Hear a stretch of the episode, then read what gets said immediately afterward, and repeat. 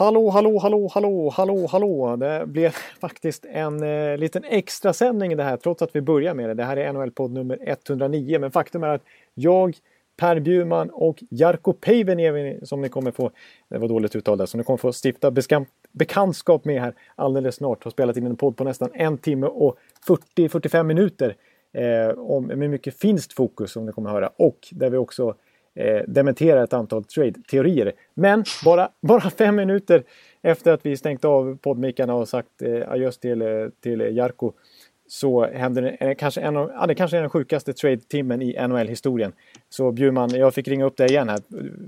Hämta upp dig från poolen.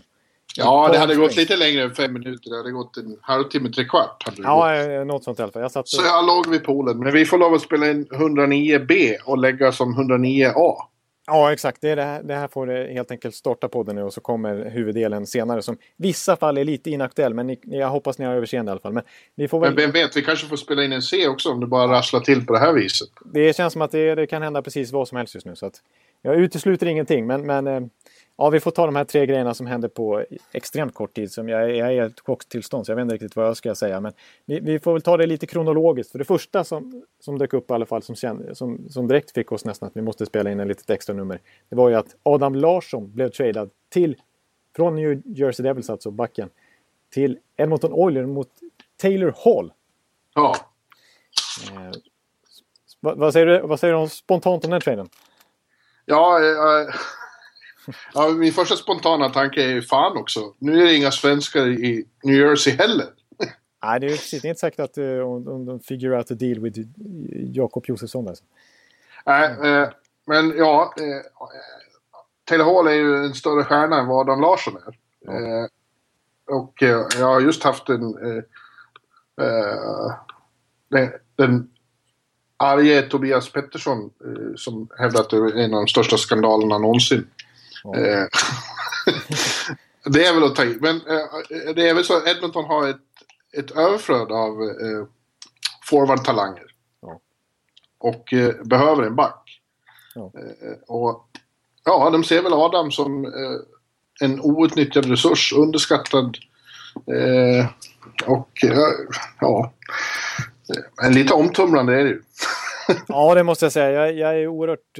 Jag, jag är, kanske inte tar till Tobias Petterssons ord där, eh, din trogne bloggföljare där. Men, men eh, visst är jag otroligt häpen över, att, eh, över det här utbytet. Att när det har varit så otroligt mycket snack om de här forwardsen som finns i Edmonton med Eberle Hall, eh, Nugent Hopkins, Dreisaitl, Jakubov. Hur, hur, högt värde de har haft för Edmonton. Att det har dröjt så länge för dem att hitta en trade liksom.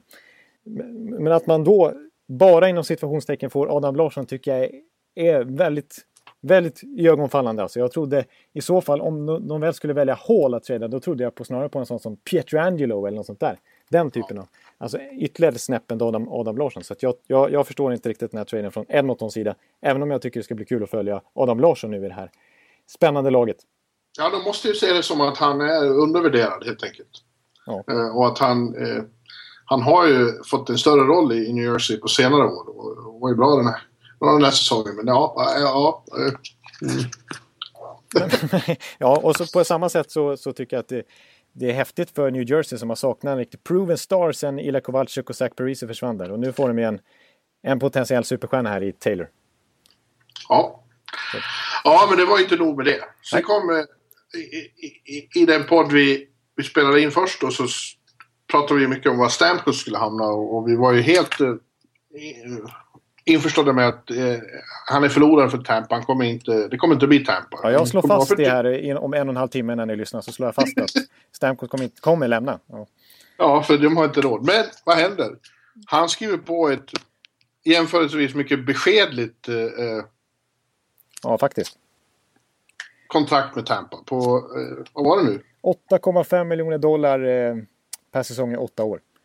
Ja. Eh, och det har ju en summa som det har snackats om ända sedan i januari. Att det var Tampas bud.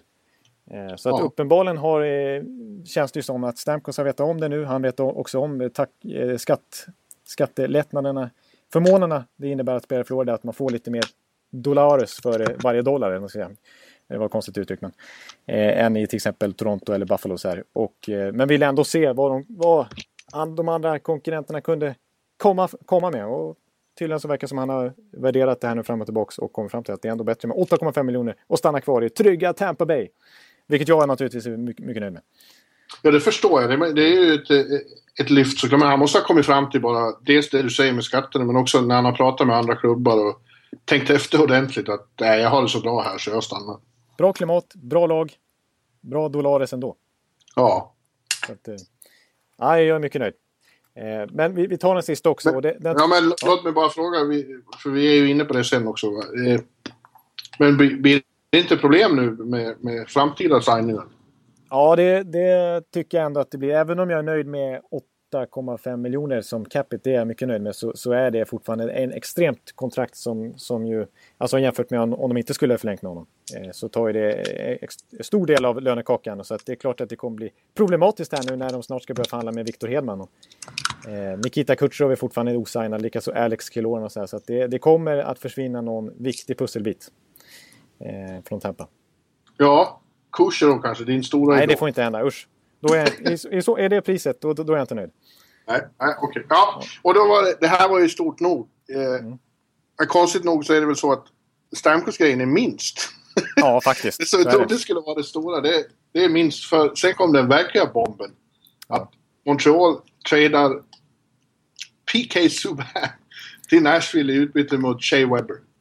Ja, det... När det kom, när jag låg där vid poolen och det bara rasslade till, då, då, just till Pettersson skrev jag att det här måste ju vara jag fejkade konton. För jag såg ja, LeBron. Jag också, jag också det. För det brukar vara så när det är trade deadline och så. Då är ja, det plötsligt, nej nu är det fejkade konton. Det, det, är någon bokstav fel som man inte lägger märke till. Ja. Pierre LeBrun istället för LeBrun. Eller så. Ja. ja. Men, men visst fan var det så. Det är bekräftat. Ja. Och, och Montreal är stolta över det och tycker att de har minsann vunnit den här traden. Det, alltså, visst, i dagsläget har man väl hyfsad respekt för Shea Webber. Han är, han är ju en OS-back till skillnad från Pique, eller World Cup-back till, skillnad från Pique Subban till exempel. Och har ju en, en barsk, hårdför eh, spelstil eh, så, sådär, och, och, och fysisk och fysisk hård. Men både du och jag är ju extremt förtjusta i Pique Subban. Och han ja. är flera år yngre Ja. Inte minst. Och eh, känns som en betydligt modernare back eh, i det NHL som vi ser utvecklas eh, åt ett offensivare håll. För var säsong som går så, så känns den här traden otroligt märklig tycker jag från, från eh, Montreals sida. Ja, och jag blev 30 år och man såg i slutet av den här säsongen i slutspelet att, eh, att han var ganska trött. Ja. Eh, tidigare under säsongen var han ju bra. Och han har ett skott som är eh, magnifikt. Ja, så är det. Hårda Men precis som du säger känns ju Subban som är mycket modernare. Och ja, framförallt är det, finns det mycket, många fler år i honom. Ja. ja. eh, och, eh, men det, det, är väl så som de har sagt att han är inte särskilt populär i Montreals omklädningsrum. Det är många spelare där som tycker illa om honom. Ja, det, det är ju tydligen uppenbart att de här ryktena tydligen stämmer som vi avfärdar här också senare i podden. Vi, vi säger att det, det, finns inte, de här ryktena att Subban ska tradas. Det, det, det, finns inte på kartan. Men eh, ja, det, det, har gått rykten om att han ska vara tillgänglig för trade och att, att eh, tränare, både general manager Bergevin och inte minst tränaren Thurien inte eh, liksom spelar jämt, eller säga, håller jämt med Subban. Och vi såg ju hur han blev petad i slutet av förra säsongen också i en match. Och blev beskylld för en förlust eh, av egna laget. Så att det har ju tisslats och tasslats i bakgrunden här. Men jag trodde inte att det skulle leda till en trade mot Shea Webber. Mm. Ja, om, om... sjöng det till ordentligt hör du, Ekeliv. Oj, oj. Ja, jag, jag, vet inte vad jag har sagt. Vad, vad jag tänker just nu. Men... Ja. det, det, var någon som sa att, någon som skrev på Twitter här att eh, eh, den, de scouterna som hade varit inblandade i den här Edmonton-dealen hade ringt till Cherrelli och skrikit No, I said Ekman Larsson, you idiot. ja, det är nog snarare, jag måste ändå, ja, vi, vi, vi låter lite taskiga mot Adam Larsson, det är vi inte alls, men, men Taylor Hård. Nej, jag tycker att han, jag, jag värderar Adam lite högre än vad jag tycker det låter som att du gör. Ja. Och, och, och Tobias Pettersson gör. Ja. Tycker att han blir som del av min av vår podd. Ja, precis. Han dyker upp eh, lite hipp som happ. Med starka Skri åsikter. Ja, ja det, blir, det blir det såna här gånger. Eh, spännande, men... Eh, vad ser jag? Vänta nu, nu såg jag en, en bra... Eh, vänta. Jag tror du såg en ny blockbuster. Nej, nej, jag såg... Eh, vänta ska vi se. Ah, vad heter de? Nashvilles fyra främsta backar. De är ju bara i, i 20-årsåldern allihop. Topp Ja, fyra backar. Josie, Subban, alltså Subban det är så sjukt. Ekholm och Ellis. Oj, oj, oj. Vilken backsida. Subban i, i, i Nashville. Det blir svårt coolt. att- Josie 26, Subban 27, Ekholm 26, Ellis 25. NHLs bästa backsida i ett antal år framöver kan vi konstatera. Stanley Cup Contenders. Ja, direkt. Och så med Ryan Johansson där i mitten. Ah, det är sjukt. Men eh, vi, vi får låta lyssnarna eh, Ja. lyssna vidare på den ordinarie podden som ju inte är 110% aktuell just nu. Men jag hoppas att ni kan ha överseende med den och få lite eh, utbyte av det ändå. Varsågod och lyssna på den. Precis, och vi kommer tillbaka, det säger jag i slutet av, av podden här också, att vi kommer tillbaka nästa vecka någon gång och kör en sån här superslutsummering där vi går igenom alla lag. Och då kommer vi återigen komma in på Subban och, och gänget och ha ännu lite mer eh, eftertänksamma analyser. Så eh, god lyssning och åter till, till, ja nu är det mycket jobb för dig för nu ska du skriva och tycka kring det här. Ja, sen till Polen. Vi hörs! Hej!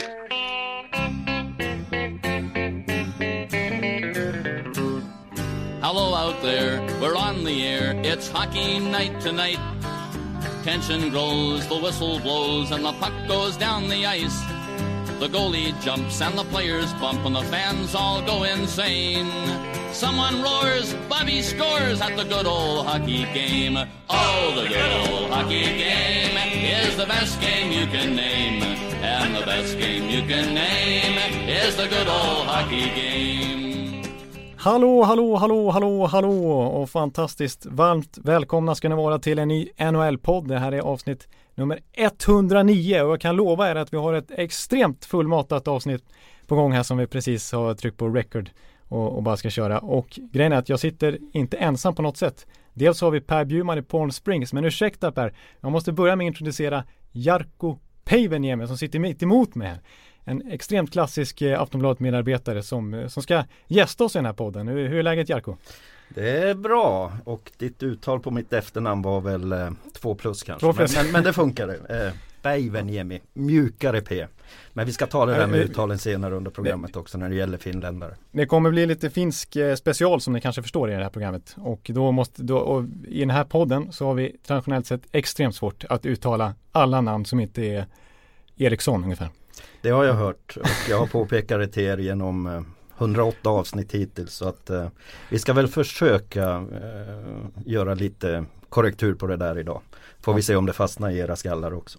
Ja, jag ska snabbt bara säga att Jarkko har ju jobbat på Aftonbladet hur länge som helst. Han fick, finns till och med på bild på den här original ah, Sportbladbilden eh, från 2000 när Sportbladet bildas. Att, eh, Ja, jag var med när det, när det startade och jag, jag var en av de få som fick veta det några månader innan eh, från chefredaktör och så vidare. Jag var med och startade tidningen. Jag började 96, alltså några år innan eh, Sportbladet kom till. Men jag har varit med hela vägen och försökt få in lite blå, blåvita inslag då och då och det har väl lyckats sisådär genom åren. Men Si- Sisu där. Sisådär, ja, om du ska skämta till det. Ja, det är mina fantastiska skämt. Men eh, sen måste vi ju naturligtvis eh, eh, välkomna Per Bjurman också här. Som är i Palm Springs. Det är inte Ja. dumt. Det är inte dumt. Hur är läget Per? Oh, tack, det är fint. Jag har semester nu. Eh, typ. Och eh, är ute på en liten roadtrip och har hamnat i Palm Springs och ska sitta här eh, i några dygn. Ja. Och göra ingenting. Mer än att spela in den här podden med er då. Med Jarko. Som du sa, mycket riktigt en legendar. Ja. Alltså här, här snackar vi, nu, har vi, nu känner jag mig oerhört li- liten här för vi kommer ha lite draft special naturligtvis. Vi har inte haft något avsnitt sedan draften och, och jag känner mig lite grann som typ Alex Nylander i Buffalos organisation just nu. Och är kanske inte så lovande direkt men medan eh, här sitter ju Teppo Nominen och, och Dominik Hasek ungefär som jag spelar i en podd med. Liksom. Ja. Jag, må- jag måste få påpeka att jag var där ännu längre. Jag började faktiskt redan 92 på, du på. Aftonbladet. Ja, Okej, okej. ja, Så ja, jag jag är- bugar och bockar för jag dig. mer- Per, det har jag alltid gjort. Genom alla åren så har jag alltid sett upp till dig, det vet du. Eh, mycket ömsesidigt. Nej, men eh, jag tänker att vi får kasta in oss på, på det första ämnet ganska snabbt här. För det är nämligen så att eh, Jarkko här har ju fiskat upp en nyhet från Finland som det känns som att vi på andra sidan Österbotten helt har missat och även i, i Nordamerika. För det är ju ett par dagar sedan draften nu. Det är nästan en vecka sedan, fredag, lördag där vid midsommarhelgen. Eh, och faktum är ju då att eh, det var ju väldigt finsk prägel på det här. Ja det var det. Eh, Austin Matthews gick som etta som väntat. Patrick, inte eh, Patrik, nej. Patrik Laine gick som tvåa, lika väntat. Eh, som trea så trodde alla att eh, Jesse Puljujärvi skulle gå. Eh, men då eh, chockade Columbus Blue Jacket som hade tredje valet. Och valde istället, istället kanadensaren Pierre-Luc Dubois. Mm. Jag hoppas det uttalet var ja, rätt. Det, ja. det var inte finns men okej. Okay. Eh, och sen fick då Edmonton eh, fjärde valet och då tog de givetvis Jesse Puljujärvi. Eh, det överraskande chockerande var då alltså att Columbus valde trea och inte tog finländare med tanke på att Eh, Columbus också har en general manager som heter Jarmo Kekäläinen som är finländare förstås, hör ni på namnet. De har också en head scout som heter Ville Sirén, gammal Luleåspelare. Jag tror han har spelat i någon annan SHL-klubb också men framförallt kommer jag ihåg honom från Luleå. Mm. En, en rutinerad scout som har varit med väldigt länge, med, jobbat tillsammans med Kekäläinen i St. Louis också tidigare. Med extremt stor framgång får vi säga. Ja, mm. de har varit väldigt framgångsrika, framförallt i St. Louis då. Eh, Columbus kan man ju prata om. Eh, men att de inte valde Jesse som trea eh, blev en jävligt stor snackis i Finland. Men sen ännu mer efter att Edmonton då publicerat en eh, bakom kulisserna video på deras Twitterkonto. Där de förstås inte förstod vad eh, Puljujärvi och hans agent Sami Mettovara pratade om i bara, bara timmen, två timmar efter när de höll på att signera tröjor och träffade familjemedlemmar och så vidare.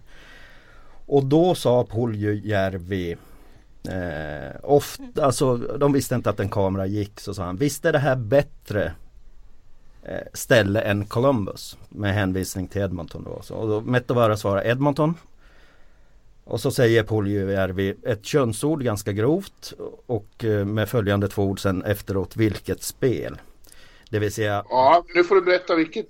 Du, kan, du måste inte säga ordet men du kan säga vilken bokstav det börjar på. Ja, det börjar på F Per. ja, det var inget fint ord. Nej, på engelska börjar med C. Ja, ja, och på finska börjar med V. Ja. Och det, det korrekta är ju det, alltså den finns, det var, han sa det på finska och det börjar på V. Och eh, ja, ni kan gissa er till vad det var. Ja. Och varav då Mettovara, det sista man hör på den här inspelningen, han säger Conor McDavid, Hall. Det vi pratade om. Kommer du ihåg vad jag sa om den där Kekäläinen i Kroatien? Eh, så Metovara och Puljärvi har förmodligen varit på någon slags resa i Kroatien tidigare. Då har de pratat om att den här General Managern för Columbus eh, är ja hur ska man tyda det där, inte riktigt att lita på. Eh, även om man då kanske har sagt att de ska välja Jesse som trea så har de inte gjort det utan eh, de tog alltså Pierre-Luc Dubois istället som fyllde 18 år den här helgen också när det pågick. Jesse också 18 som vi vet. Ja, över till er. ja, jag, ska, jag ska bara eh, konstatera här att vi ville ju egentligen spela upp det här klippet på finska då. Ni hade inte förstått vad de hade sagt, eh, majoriteten av det. är bara Jarko här som verkligen, som verkligen förstår. Men de har ju tagit bort den här videon nu när de insett vad de faktiskt säger. Ja, Edmonton Oilers tog bort den vad jag förstår den 27, alltså för två dagar sedan tog de bort det eh, från sitt Twitterkonto när det börjar röra sig i Kanada och i Finland om, om vad som egentligen sades där. Vilket är då ganska mm, kraftig kritik mot Columbus GM i det här fallet.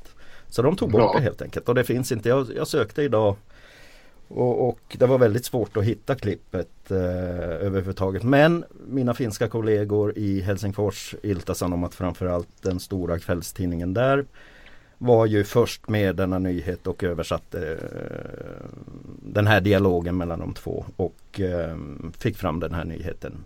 Det har varit väldigt tyst i Sverige om det av eh, kanske förståeliga an, an, eh, orsaker att eh, man kanske inte bryr sig så mycket om det. Men i Kanada framförallt Edmontonområdet och i Finland har det här varit en väldigt stor snackis. Det har det alltså, för jag har, måste säga att både jag och Bjurman, vi följer ju med på Twitter ordentligt och, och alla snackis här. Men jag, alltså det här har lyckats, det känns som att det här inte har blivit någon jättestor grej i Nordamerika ändå som jag hade förväntat mig att det skulle bli. Ja, det kanske Och även i Sverige. Jaha. Vi alla känner ju till Puljujärvi efter hans brutala JVM där när han, eh, när eh, de körde över allt och alla. Kanada, Sverige. Och Ja, det där kan vi prata om en timme till va? Men, men det, det ska vi inte göra just nu här men Men du, Jarko, vad, vad är reaktionen i Finland då? Vad tycker man? På vems sida står man? Eh, Ja, eh, Kekalainen sa ju sen också, han, han fick ju förklara det här i kanadensisk media, Sportsnet. Va? Det, Mm. ja. Ja, det är absolut. I en stor intervju där fick han ju också säga det här. Då kom ju frågan upp liksom huruvida han inte gillar finländare. Alltså finns det någon agg mot att han, han är ju själv finländare men ganska taskig eh, meritlista själv som hockeyspelare. Så fick han ändå frågan då. Och då sa han, jag har verkligen inget emot finländare, finländare. Jag vill försäkra mig om att nationalitet inte har något att göra med vilka vi väljer i draften. Och så påpekar han att jag har spelat i finländska landslaget. Jo tjena, sex, sex matcher i Canada Cup, en assist. Jag har varit med i landslagsledningen i många turneringar och jag älskar mitt land. Men jag arbetar för Blue Jackets och försöker göra mitt bästa för den klubben. Ja, kanske är det så han tänker. Eh, reaktionerna i Finland är ju stor överraskning. Eh, även om man tänker på Blue Jackets att de möjligtvis behöver en center då i första hand. Eh, och då ta Dubois som inte är redo eh, till kommande säsong. Så ja, de har gjort det valet och eh, det, ja, men i Finland så är man ju fundersam varför han gör det. Alltså, eh, det är Vad tror du nästan, själv nästan Det- som att han skulle vilja markera att jag är finländare. Därför tar jag inte en finländare. Som att han vill liksom påpeka det på något sätt. Jag vet Han vill inte. bevisa för sin klubb och för sin organisation att han inte påverkas av eh, nationalitet, typ. Kan vara extra så. Kan vara så. Jag tycker, det låter, jag tycker det känns som det kan vara så, antingen medvetet eller undermedvetet, att han, att han eh, kanske är lite rädd för att favorisera finländare. Ja. Ja, kan så här. Ville Sirén då som är talangscouten eh, nummer ett där också. Eh, som sagt också finländare och eh, de borde ju ha koll på Puljärvi. Men det är möjligt att de ser någonting som inte no- några andra ser. Och som vi sa här tidigare i början som Jonathan som man uttalar på finska eh, sa att de hade ju stor framgång i, i blues när de jobbade Ja. tillsammans där både Sirén och eh, Kekalainen. Ja det ska man ju, det ska de, på det sättet ska man ju inte ifrågasätta framförallt eh, Siren men även Kekalainen som hade stor i- Ke- Kekala- Kekalainen. Jag gav dig onda blicken. Ja, Ja, ja, eh, nej men för att eh, jag menar, det, jag kommer ihåg det var jätteifrågasatt när de tog TJ Oshie som ju blev en stor spelare nu i Washington men eh, i första rundan en gång i tiden och det var ju fråga, alltså Berglund var lite oväntat att de tog och eh, det var inte helt självklart att de skulle ta Pietrangelo tidigt i draften när det fanns så extremt mycket talanger eh, den där 2008-draften med Stamkos och Dowdy och Luke och Nikita Filatov som var jättehet och som blev en superflopp i just Columbus innan Kekalainen hade kommit dit. Mm. Så att eh, de, de har, han har en historia av att välja rätt eh, Kekalainen. Men det finns väl ett... eh, Columbus är ju ett eh, talangfullt lag. Den här gångna säsongen var ju ett, ett fiasko, ett kraftigt steg bakåt. Men innan dess så har man ju trott rätt mycket på, på, på laget han har byggt. Ja, både du och jag, framförallt jag, eh, hade ju eh, Columbus på slutspelsplats inför den gångna säsongen. Ja, Eh, och, och de såg ju jättebra ut i slutet på året innan då när de tog, jag tror de avslutade säsongen med så här tio segrar i rad nästan. Och, Precis. och då hade de äntligen fått tillbaka alla spelare från skador, Bobrovski och allt var, ah, det var ju mängder med skador de hade förra säsongen. Eh, och nu så skulle de vara skadefria här från start men så fick de en sån usel start i år av någon anledning. Bobrovski var helt värdelös i början av säsongen. Och, och eh, Nick Foligno som, som Kekalainen skrev ett stort kontrakt med här i somras var katastrofal i början av säsongen. Många, många underpresterade och Ryan Johansson var ju inte heller sig lik och blev tradad.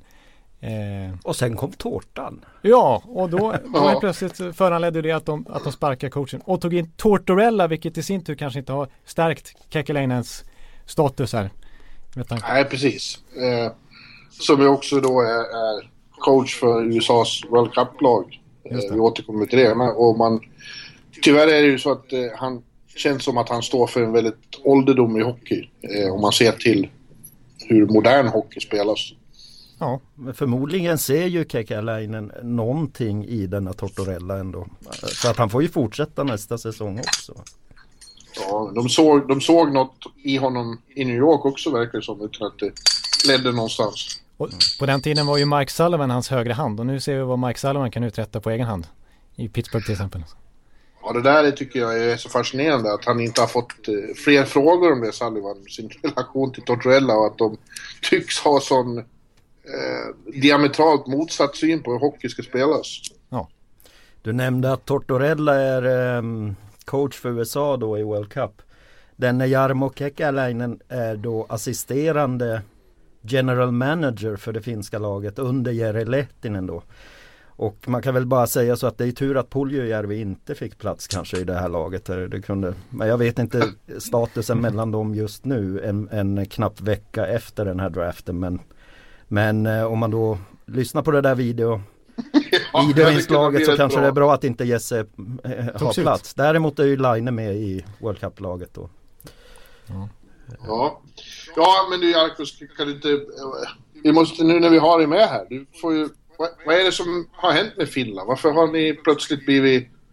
Känns som en stormakt i hockeyn igen? Kanske ser ut att gå mot sin bästa era någonsin? Vad är det som har hänt? Alltså alla som har uttalat sig nästan alltså eh, eh, när det gäller de här tvåa, trea, femma här Jolevi, Laine och Puljujärvi och även andra talanger har ju sagt att det, det har hänt någonting inom finländsk Alltså träning, alltså grundträningen för, för ungdomar, juniorer.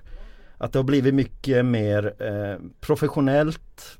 Att det har kanske varit lite lättja jag vet inte eh, tidigare men att allting har varvats upp ett snäpp och det är kanske det vi ser resultatet av nu helt enkelt. Att det, det är någonting som har hänt där som kanske Sverige hade då för 10, 15, 20 år sedan också va? när de dominerade europeisk ishockey och nu nu känns det väl som kanske att Finland är på väg, jag har till och med kaxat mig tidigare att det är på väg förbi. Men, men man man ska väl liksom dra lite i någon slags eh, nödbroms och inte kaxa sig för mycket. Men vi, vi börjar närma oss definitivt. Eh, två juniorguld, alltså U18 och U20 i år. Eh, Senior-VM, jag vet att du inte bryr dig så mycket om VM i ishockey Per. Men eh, det är ändå en, en medalj med eh, Eh, väldigt många NHL-spelare med i det här VMet också. Så att eh, nej, det känns bra att vara finländare. Svaret på varför just nu det är ju förstås väldigt svårt att säga men jag tror det är en del förklaring att det kanske har blivit mer professionellt, mer seriöst från ungdomsled redan. Som många av dem påpekar också. Ja. Vad, eh, vad man möjligen kan fråga sig då är att, att eh, om man ser till forwardsidan så ser det ju helt fantastiskt ut. Men till exempel inför World Cup nu så är det, ett litet frågetecken är ju backsidan. Det, verkar komma fram betydligt mer forwards än backar. Eh, Det är roligare att göra mål än att försvara målet. Ja, ja det var det. Men, men nu har vi svenska backar som är rätt bra på att göra mål och poäng också. Jo, jo, jo tjena. Jo, jag vet det. Eh, nej, men, eh, men eh, okej, om du ska ta det så. Förstvalda back i den här draften var Olli Juolevi. Ja, Eh, nummer fem till Vancouver Canucks som kanske har lite backproblem. Så det kanske är en början på en, en backboom också för Finlands del. Det vet man ju aldrig. Nej, ja, nej. Men nej. visst är det så, nu Jag tror jag har svar på allt du säger, frågar och undrar över. Men visst är det så inför World Cup nu att det är... Som sagt, det ser, ser ut som ett väldigt starkt lag men backsidan kanske inte känns så eh, skräckinjagande. Nej, nej det är klart. Alltså, eh, jämf- framförallt jämfört med Sverige. Så att eh, det är väl ingen av de där backarna nästan som skulle gå in i en svensk uppställning. eh, Sett meritmässigt. Men det är ju man ser ju det på Island i EM i fotboll, man ser det på Leicester i, i fotboll. Det, det handlar kanske inte alltid om att ha de bästa spelarna ut, utan Finland är ju väldigt känt att få ihop lagen. Ja. Eh, och då, då, alltså, senast World Cup spelades 2004, då var det final mellan Kanada och Finland. Det var ingen som trodde det då att Finland skulle nå den finalen. OS i Turin, final mellan Sverige och Finland. Vi behöver inte prata hur det gick där. Men det var ingen som trodde Finland skulle gå till final. Finland har tagit medalj även i OS i Sochi. De tog medalj i vad är det, Vancouver-OS också. Alltså, varenda gång när alla säger att ja, men nu kommer alla världens bästa spelare. Nu får vi se att Finland inte håller. Jo, fan tar de medalj ändå. Så att eh, räkna inte ut Finland i höst heller. Nej, det ska inte göra. Men du, du måste berätta, var det då, var det OS-finalen 2006 som du äh, skadade dig själv när du tittade på Att Sverige? jag, jag skadade mig själv? Ja, Eh, ja, okej, någonstans, för att göra en lång historia någorlunda kort. Jag befann mig inte i Europa. Eh, jag var faktiskt i, i Thailand och hade semester. Det här var i februari 2006. Och det var ju väldigt svårt att hitta en tv-sändning där man kunde se de här matcherna. Ryssland, semifinalen Finland-Ryssland 4-0 lyssnade jag på radio, finsk radio då.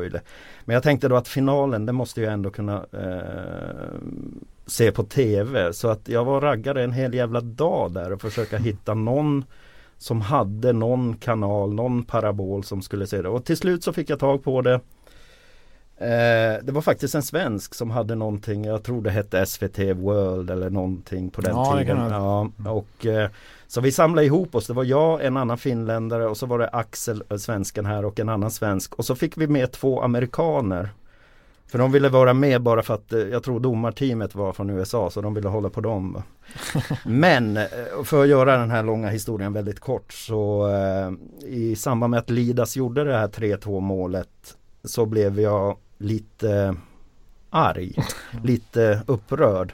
Så jag tog eh, Ja, min vänstra fot gick med en ganska hög hastighet in i en betongvägg där.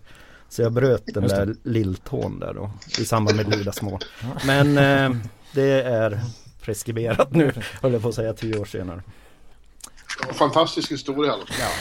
Men du, det, det är mycket som har hänt mellan Sverige, för mig mellan Sverige och Finland genom åren. Va? Så att, eh, jag har haft mina glädjestunder, dess, men däremot desto mer eh, bittra. Jag var med redan när Masken gjorde de där två målen 86. Du och jag är ju Ja. gamla Per så.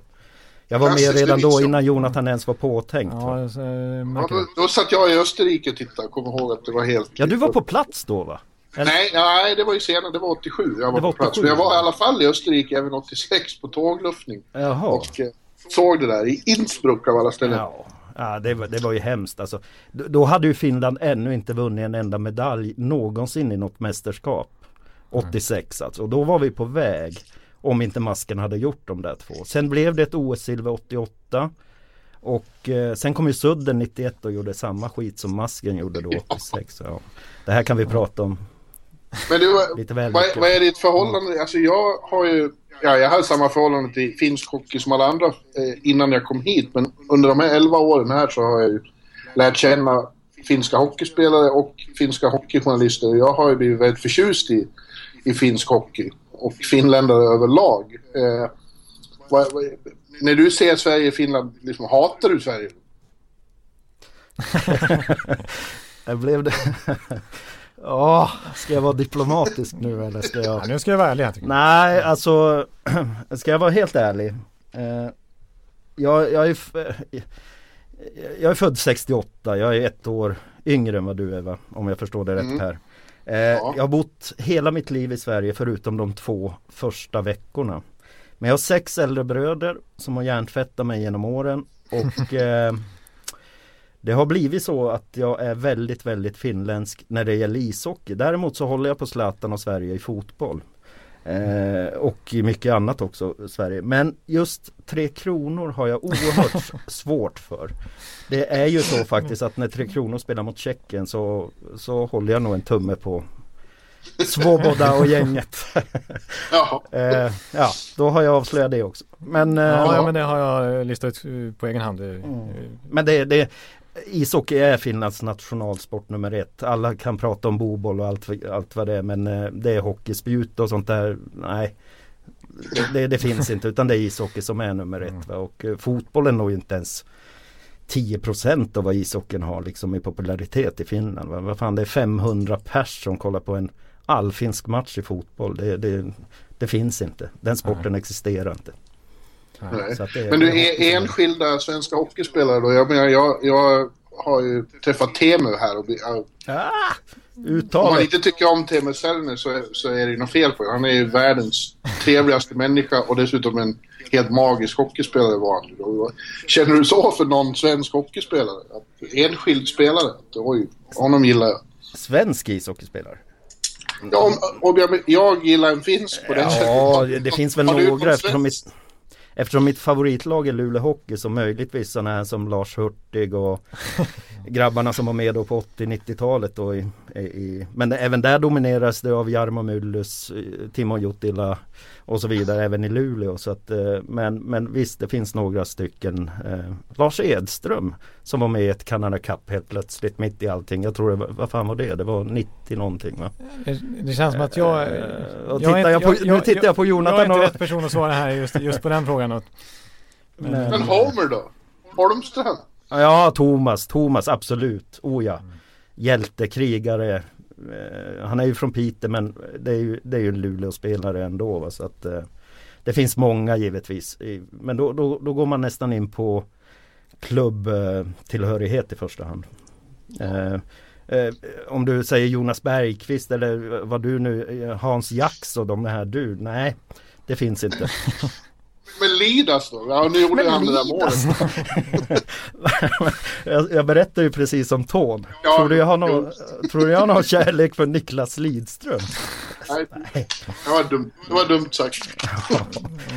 Nej, nej men däremot alltså Sveriges största spe- ishockeyspelare genom tiderna anser jag vara Peter Forsberg. Och eh, man kan inte tycka, alltså vad han än har gjort mot Finland och, och så vidare så han älskar man bara. På, eh, tack vare eh, sån han var på isen. Alltså den här kämpen och, och gjorde allting och inte bara var ett snille så att säga. Utan han var, han var bä- bäst på allting han gjorde. Jag anser att, eh, att han är Sveriges bästa genom tiderna. Alla kategorier. Ja. Och han hade en stil som, som finländska hockeyfans uppskattade rent allmänt, är det inte så? Ja, det är lite just det här. Det fanns väl lite siso i, i honom på det sättet. ögonen. Ögonen. Ja, ja precis. Men Inte han så mycket vin- knapp- vinner killerinstinkten. Mm. Inte så mycket knappt, eller hur? Nej, knappt så. Ja, du har lärt dig lite tornedalska uttryck. Så. Ja, Du, har Ja. lä- du har läst din litteratur hör jag Per. ja precis. Men jag, men apropå det så känner jag bara för att nu när vi ändå har Jarko här så måste jag, kan inte du hjälpa oss lite med, med uttalen här nu alltså? Yes, alltså jag, jag reagerar ju på Per sa, vad sa du, vad heter den här Anaheim-legendaren? Vad heter han i förnamn?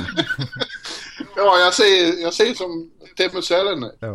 Eller jag kan Det- ju säga som de säger här. Mm, Det där u på slutet, det är ju ett o då va? Det är ju det, det, är ju Det är det absolut väsentliga när ni uttalar.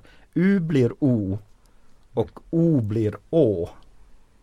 Där har ni de två mest eh, frekventa misstag eh, svenskar gör när de ska uttala finska namn. Det- Jag hörde ju Jonathan, eller Jonathan om jag nu ska uttala det på Mm. ja, finska. får göra det. Eh, han uttalar mitt förnamn som Eh, Jar, Jarko. ja, Jarko. Det är alltså ett å det ska vara på slutet. Men jag har, jag har i det här fallet och genom alla år jag har bott här accepterat ni uttalar det som ett o så jag, jag köper det uttalet också. Men. T, eller inte så hårt T heller utan demo. Demo. Hör du, hör du T där? Det är ett mellanting mellan D och T. Det är ett mjukare T än vad svenskar. Demo. Demo. Demo. Ja, bra Demo. Per. Bra Per. Demo. Och då är det viktigt med ett vad är, långt E vad är det de säger här? Temo. Eftersom det stavas med två E så är det ett långt E. Ja. Finskan är ju världens enklaste språk på det sättet att du uttalar det exakt som du skriver det. Det är ingen tvekan där. Uttala det exakt som du skriver det. Ja. Det är väldigt enkelt. Ja, jag, jag måste fråga Bjurman också hur du skulle uttala en viss eh, spelare som jag eh, sa så extremt fel här för någon dag sedan inför Jarko så att han ramlade av stolen. Tyvärr. Så, så fel var det. Eh, den här killen som har bytts bort från Chicago nyligen till Carolina och blir en, en, en spelare för första kedjan där inom kort. Ja, vänta nu ska vi se då. Mm. Eh, Devo. Va? Det måste ju... Det måste ju bli...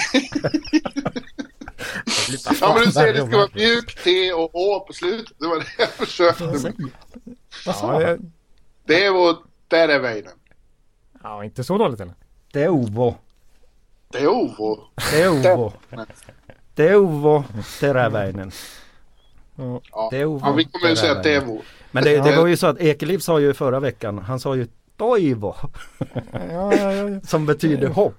Ja okej, okay. ja, det, ja. Var, det var inte så mycket hopp i det uttalet. Här säger de Nej, jag, ska, jag ska inte jävlas med, jag, jag vet att det är svårt alltså. Jag, jag, jag, jag våndades ju bara att säga Dubois här nyss. Alltså ett franskt namn, alltså jag är ju fullständigt usel på franska. Vad tycker du om amerikanska uttalen av finska namn? De är ju Tervainen här. Ja, men det, det, får man ju köpa. Det är ju samma med svenska namnen också så att de, de blir ju galna. Ja. Försök att heta Bjurman här, det är inte lätt. Det ska ta På finska blir det Bjurman. ja, det låter mycket bättre än vad de, vad de får till här. Ja, just det. Ja, jag har lite erfarenhet av det också. När jag, jag brukar, när jag ska checka in på något hotell så visar jag bara mitt pass så jag slipper uttala det. För att det, det, det, det är ungefär Ekolifslöf. Ekoloflaflöf. Jag får alltid Det låter som en uppkastning ungefär. Jag får alltid bokstavera. Jag säger Bjurman och sen B-J-U-R-M-A-N. Det sitter i rygg, rygg, ryggmärgen. Jag kan, jag kan ta, men alltså om vi, alltså bo, bo i Sverige med mitt, mitt namn. Eh, varje gång jag beställer pizza eller beställer taxi då säger jag inte mitt namn för det, det tar ju Utan jag, jag, kan ju säga Jonathan Ekeliv istället för det går mycket enklare liksom. Men i och för ja. sig när jag beställer pizza så måste jag säga vad det står på dörren om det är hemkörning. Men eh, ja, man får ju lösa det på. Men det, det, det är ett helvete mer eller mindre. Och heta som jag... heter i Sverige. Här har de ju problemet med att det kommer in ett J mitt i Bjurman. Det, det är tydligen helt obegripligt. så att när jag, när jag går på eh, Starbucks, om de ska ha namnet, så händer det faktiskt att jag säger Seb McKayen. Jaha.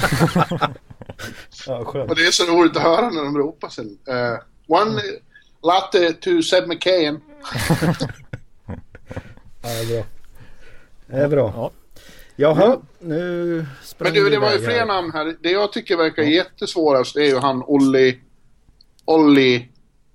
Han som första backen som var vald. Ja, du sa först där, den, den, andra gången, den andra gången sa du rätt. Eftersom det är ett O så blir det ett Å va? Så. Ja, jag, jag, tänkte precis på det. Ja, Olli... Olli... Olli... Juolevi. Juolevi. Juolevi. Juolevi. Juolevi. Okej. Juolevi. Ja, precis som det stavas. Per. Precis som det stavas. Fast man ska tänka ett Å istället för ett O. Ja, precis. Ja, ja, du, du lär dig, du, du, Per, du kommer att lära dig de här namnen kommande åren eh, förmodligen. Men du kanske tar de engelska uttalen ja. i framtiden. Men, du, men du kommer ju ha mycket att göra med de här grabbarna. Att tror jag. Lära oss. Det ska du inte hoppas på. Vad sa du? Det, det, det, ska du inte hoppas på. Alltså att han ska uttala dem rätt? Nej, Nej du får väl köra de amerikanska då. Men, det, men du, som jag sa, du kommer ha mycket med de här grabbarna att göra i framtiden tror jag.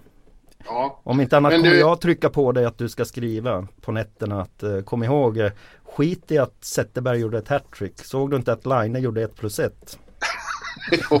jo, eh, det, det, det inser jag att det kommer att vara så. ja. Apropå eh, unga finska talanger när vi är ändå så mycket inne på Line och Puljärvi så jag vill eh, alltså som du sa, de har ju tagit U18 guld också. Det finns finska talanger som rankas högt inför nästa draft också liksom. Alltså vad, vad, vad kan Finland komma någonstans egentligen? För det känns som att det är kanske inte det här World Cup-laget 2016 som kommer ta guldet på pappret i alla fall. Utan, men alltså jag tänker längre fram i tiden. Ja, längre fram i tiden är det ju definitivt så. Eh, av det här laget, alltså de tog ju U20-guldet först i januari då med Puljujärvi, Laine och Aho, ska man säga. Aho, Aho, eller Aho. Aho. Aho, kort A. Det finns ju en Sebastian Aho i Skellefteå. Ja, men Då är det med svenskt uttal. Den här, den här heter Sebastian Aho. Eh, med den superkedjan där alla tre då kommer eh, förmodligen ta plats i NHL i vinter då. Aho i Carolina, Line i Winnipeg och Puljujärvi då i Edmonton. Men förutom de här så hade de ju då ett U18-lag som tog guld i april va? Eh, mm. Och där de slog Sverige med Ja, tyvärr. Eh, med de redan berömda siffrorna 6-1 i finalen. Från, 6-1 från ett annat VM 2011 som ni säkert känner till. Ja. Eh, men från det här U18-laget i den här draften som eh, var förra fredagen eh, så var det faktiskt sju spelare som draftades redan nu. Flera av dem kunde ju ännu inte draftas eftersom de är födda senare till och med. Va? Mm. 99 och, och så vidare. Men sju stycken gick om man då räknar in Jesse Puljujärvi som mm. kom in i det här laget eh, efter att Kärpät hade blivit utslaget och tagit brons i de finska mästerskapen så kom han in mitt under VM och blev den där härföraren som de ville ha. Han gjorde ju hattrick i finalen 6-1 då. Eh, men det var sju stycken eh, som kom med eh, som draftades. Puljujärvi, Juolevi eh, var inte med, förlåt. Han var med i U20-laget. Men däremot Janne Kuokkanen, Carolina från det här U18-laget. Jana Koppanen till Boston i femte rundan. Apeli Räsänen till Edmonton i sjätte rundan. Eetu Tuulola till Calgary i sjätte rundan. Marcus Nurmi till Ottawa i sjätte rundan och framförallt Ot- för Jonathans skull. Ja, nu har jag inte namn. Otto Sompi Sompi som till fantastiskt namn. Tampa Bay Lightning i sjunde rundan. Från, han spelar ju Halifax Mooseheads alltså. Ja, han spelar Halifax Moosehead som ju jag känner mycket väl till. Det är ju där Jonathan Drouin kom fram och Nathan McKinnon. Det är ett klassiskt eh, lag och nu säger nu, jag läste ju på lite efter draften där om Otto Sompi. Otto. Otto Sompi. Och han de fansen där skriver ju att eh, ja, smart eh, sneaky val där av Tampa Bay för han kommer vara vår bästa spelare nästa säsong. Det var konstigt att han föll ner till sjunde rundan. Mhm. Så att eh, låter bra, låter bra. Mm. Han har du bättre koll på än vad jag har. Det här U18-laget är ju svårt att ha koll på också. Det, det, det förstår man. Alltså de, är ju, de spelar i lägre serier, spelar i juniorlag i Finland och, och så vidare. och så vidare. Så att det, det enda lilla man liksom har hunnit se förutom det man kan läsa är ju just de här matcherna som man såg under, under eh, VM, VM-spelet där och det var ju flera av dem. Det där 6-1 var ju nästan i underkatt faktiskt om man också ska I säga. där. Ja, det, det, var, det var en total överkörning. Total överkörning. Ja, men det vittnar lite grann om att Finland har eh, mer på gång. Alltså det är ju fruktansvärd åt, alltså, återväxt där just nu. Mm. Vilket ju är lite bekymrande. Som svensk. Men, vad, men Jonathan, du, Ja, du är, har tack. ju finska rötter själv. Ja. Du ska väl vara glad för det här? Ja, precis. Det här borde jag ju ha. Exakt. Jag har ju, jag är ju, jag har en finsk mor. Så jag borde Ja. ju egentligen ha 50-50 sympatier här. Men eh, jag har ju aldrig bott i Finland. Alltså jag måste säga. Och när det väl är hockey, när man väl är, när man eh, ens inre känslor talar, om man inte har några filter. Eh, så är det ju ingen snack om att jag är tokhållare på Sverige faktiskt i, i sport. Eh, jag har, jag, tyvärr eh, Jarko, jag kan ju inte ens uttala namnen på spelarna ens. Ja men det kommer, det kommer. Ja. Du är Men- ung Men det- fortfarande. Ja. I, egentligen pratar du eh, finlandssvenska, eller hur? Du, Ja, jag har ju försökt en gång i podden här, det gick ju katastrofalt dåligt. För att jag, jag måste komma in i det där flowet, för det är ju en speciell dialekt. Det är ju inte bara att så här, bryta lite på finska, utan det är ju en speciell dialekt där uppe i Österbotten där min morsa kommer ifrån. Ja. By the way. Per, Per, tycker du jag bryter på finska fortfarande? Nej. Nej, det är, det, jag får, jag, det är många som påpekar att jag får, Men det är förmodligen någon norrbottniska som ligger i eh, Ja, precis. Jag tycker mer du pratar som de gör i, i, i Luleå. Ja, jag tycker du Jag tycker du pratar som de gör i Borlänge. Nej, jag pratar som de gör i New York. Jaha, okej. Ja, just det. Det, är, det är en universal, universal metropolisk dialekt du har Bjurman. Ja, precis. Jag ska bara nämna en spelare också från det här eh, U18-laget innan vi kan avrunda det. Det är alltså Christian Vesalainen. Ja. Som då spelar i Frölunda. Ja. Och eh, han har ju precis fyllt 17 år. Han var med i det här. Han var inte aktuell för draften nu utan det, det kommer ju nästa säsong då. Mm. Men han tror jag kommer att kunna få ett riktigt genombrott i Frölunda nu. Han, var, han, var, han gick ju in i A-laget Ja. redan förra säsongen. Han var med och spelade några CHL-matcher och, och så var han med och tog det här guldet. Jag kommer ihåg att det var många som höjde på ögonbrynen att Frölunda släppte honom då mitt i slutspelet var det väl till U18. till det här att VMet inte, ja. För han var så pass bra att han, han hade kunnat bidra i slutspelen. Nu blev Ja. det ändå guld ändå för Frölunda men så pass bra 17-åring är han. Liksom. Ja, så att det, det, liksom, det, det finns nog och, och får han det, alltså den utvecklingskurvan han är inne i nu så kan han bli redan nästa säsong, alltså som 17-åring i, i SHL, en riktig, riktig attraktion. Alltså. Vi ser ju redan med Lehkonen i år också att det, Ja, och han är ju bara 20 bast och, Ja. eller 21 eller Ja, något sånt ja, och så att det, 95 och han fick ju inte plats i, i han, han gallrades ut från senior-VM i sista stund trots att han var skyttekung, poängkung i SHL-slutspelet och så vidare. Så att det, det finns ju mycket där som inte Och- man ens märker av. Alltså det, det är ju spelare överallt.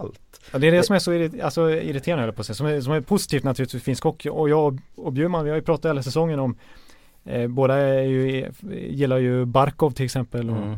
det, Jag älskar honom. det, det, det är ju redan några som har ploppat upp där som börjar alltså, komma igång på allvar. Vi har ju Kasperi Kappanen Kapanen. Kapanen då, som är i Torontos organisation, William Nylanders bästa polare där och sen så Mm. har vi ju en som man helt glömt bort som gick tia i draften förra året, det är ju Mikko Rantanen. Rantanen ja. Som kommer att slå sig in i, i I Colorado. Colorado. Den här säsongen tror jag. Så, och han var ju Han var ju här före när de vann JVM-guldet också. Förutom den här superkedjan så var han ju ändå kaptenen. Ja. Och han var mannen bakom det här JVM-guldet mycket också. Fast han inte gjorde så mycket poäng. Nej. Så var han ändå ledaren. Och det, alltså om man då ska dra en parallell till Colorados lagkapten Landeskog. Mm. Så har Rantanen samma egenskaper. Alltså man ser det redan nu. Alltså att han, han är Mm. där som en ledartyp och det är därför han var kapten i laget också. Sen finns det ju uh, Olli Mäte i... i Ja. Olli Mäte. Olli Mäte. Ja. Han är ju inte, han är inte lastgammal heller precis. Nej, och det är ju liksom, eh, man säger som eh, Jonathan nämnde Barkov här liksom. Man tror ju att han, han har ju för fan, det, var han, Han är det är tre 95, säsonger ja. i NHL nu. Va? Det, det är liksom, man tror ju att han är ju 25-26 bast. Han är ju precis 20 fyllda va? Eller 20, Ja, 21. han är eh, 20, ja. fyller 20 år, ja precis. Ja, att eh, han, han, har ju, han, är ju redan, han är ju redan på väg att växa upp. Och jag, jag har ju sagt det till dig Per också att är det någon jag gillar väldigt skarpt bland de finländska spelarna i NHL nu så är det Alexander Barkov. Eh, han visar upp någonting eh, extraordinärt. Jag har sagt till, till dig att han blir den nya Messier. Det är väl Ja. ganska tunga ord men ge honom några år till så kan han vara en lika stor ledare för Florida som Messier var för sina lag. Både Edmonton och Rangers när de vann och så vidare. Jag tog ju en bild på honom eh, från eh, Awards... Eh, mediamötet på Awards i Vegas och skickade... Bara, bara för din skull tog jag en bild och Ja, skickade. jag, jag såg det smset gjorde den kvällen. Det var en jävla kväll att jobba den kvällen. Och när jag fick Barco-bilden så blev jag glad. Det, det tände till mig. Så det blev nog ganska bra fotbollspaket i tidningen tack vare den bilden. Det är inte svårare än så. Mm.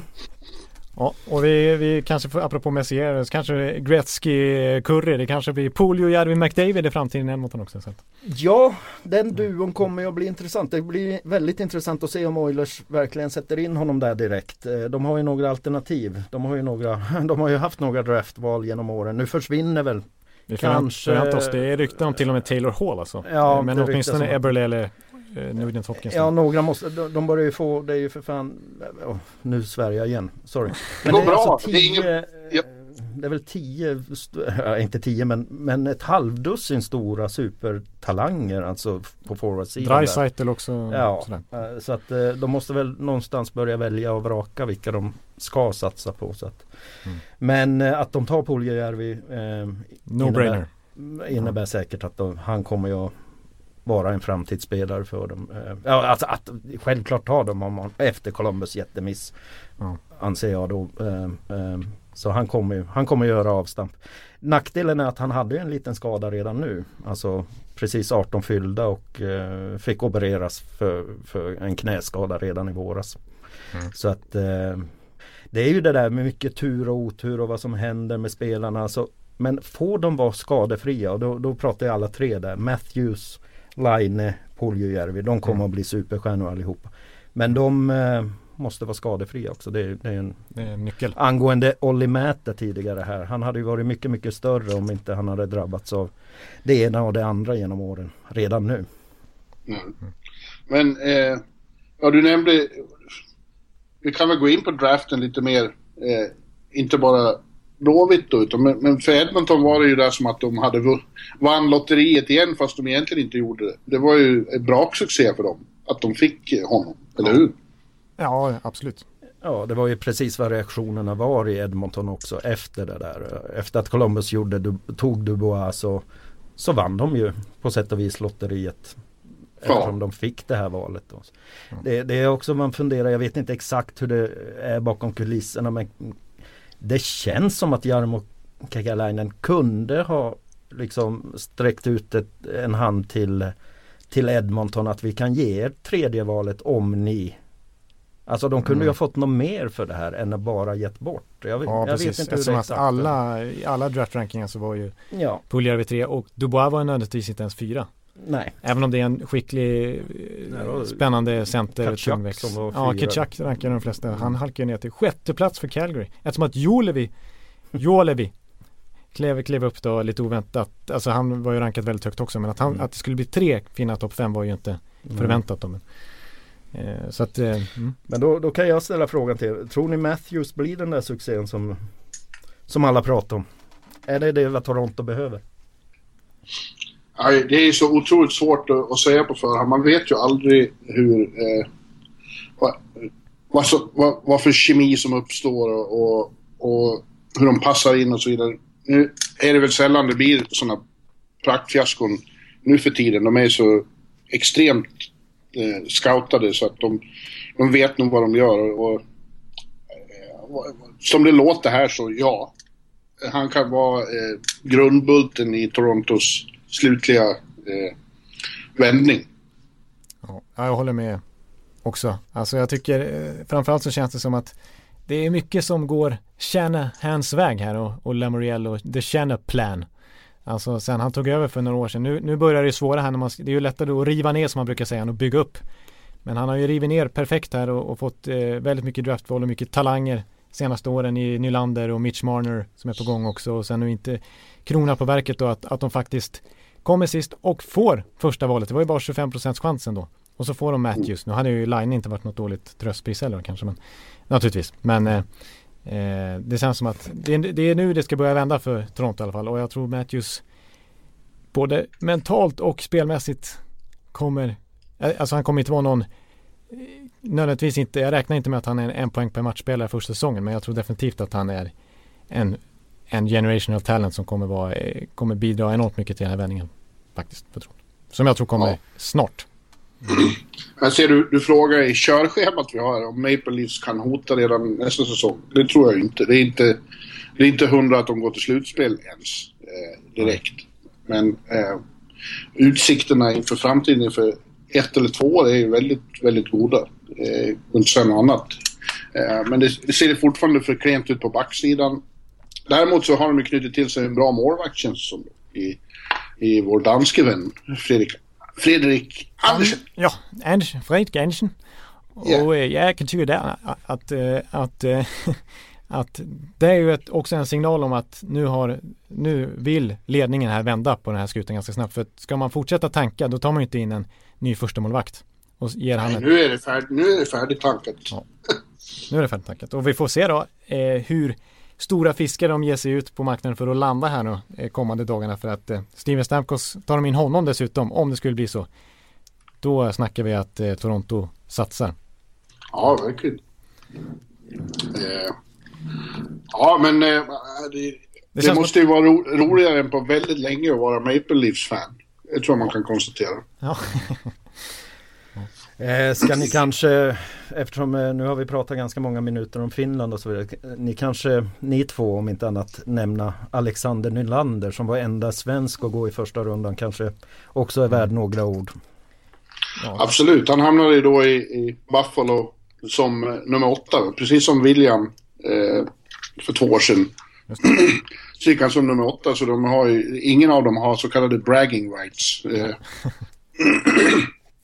Men det är lite, det är lite kul. Ett tag lät det som att Alexander skulle kunna hamna i Montreal, vilket hade varit väldigt raffinerat med en bror i Toronto och en i, i, i Montreal. Men det är inte så dumt med en i Toronto och en i Buffalo heller. De är ju också divisionskonkurrenter. Eh, Precis. så om några år kommer det att bli väldigt eh, eh, kul brödrakamp att följa där.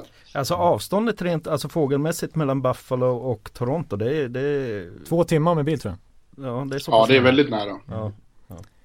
Så att eh, det, de kan nästan flytta ihop. Ja, Men eh, jag vet inte om de har gjort det för grejen är att eh, William Nylander, så, eller Alex Nylander spelade väl i eh, Mississauga eller vad var det? Vilket jag, ja jo, precis. jo, exakt. det ligger ju i Toronto i princip. Ja, och de har nog umgås väldigt nära. Och så har de ju pappa som för det mesta nu för tiden när han inte är i Sverige bor i Chicago tror jag de har huset i. Ja, okej, det är. Eh, Så familjen Nylander eh, väl representerad i, i norra USA och södra Kanada. Ja, jag tror, jag tror, jag tror eh, det kan bli bra där för, för Alex i Buffalo också. Alltså, Jag träffade honom i, under en av finalerna där när, när eh, Ja, Top. Prospect, Prospectsen kommer på en final. Och, och, och han gav ett, eh, ett väldigt sympatiskt intryck då. Kändes nästan lite mer eh, enklare att ha att göra med än William. Eh, mer... Mer direkt. Vad är jag på väg nu egentligen? Men, eh, ja, li, lite mer eh, social kanske, med media så. Ja.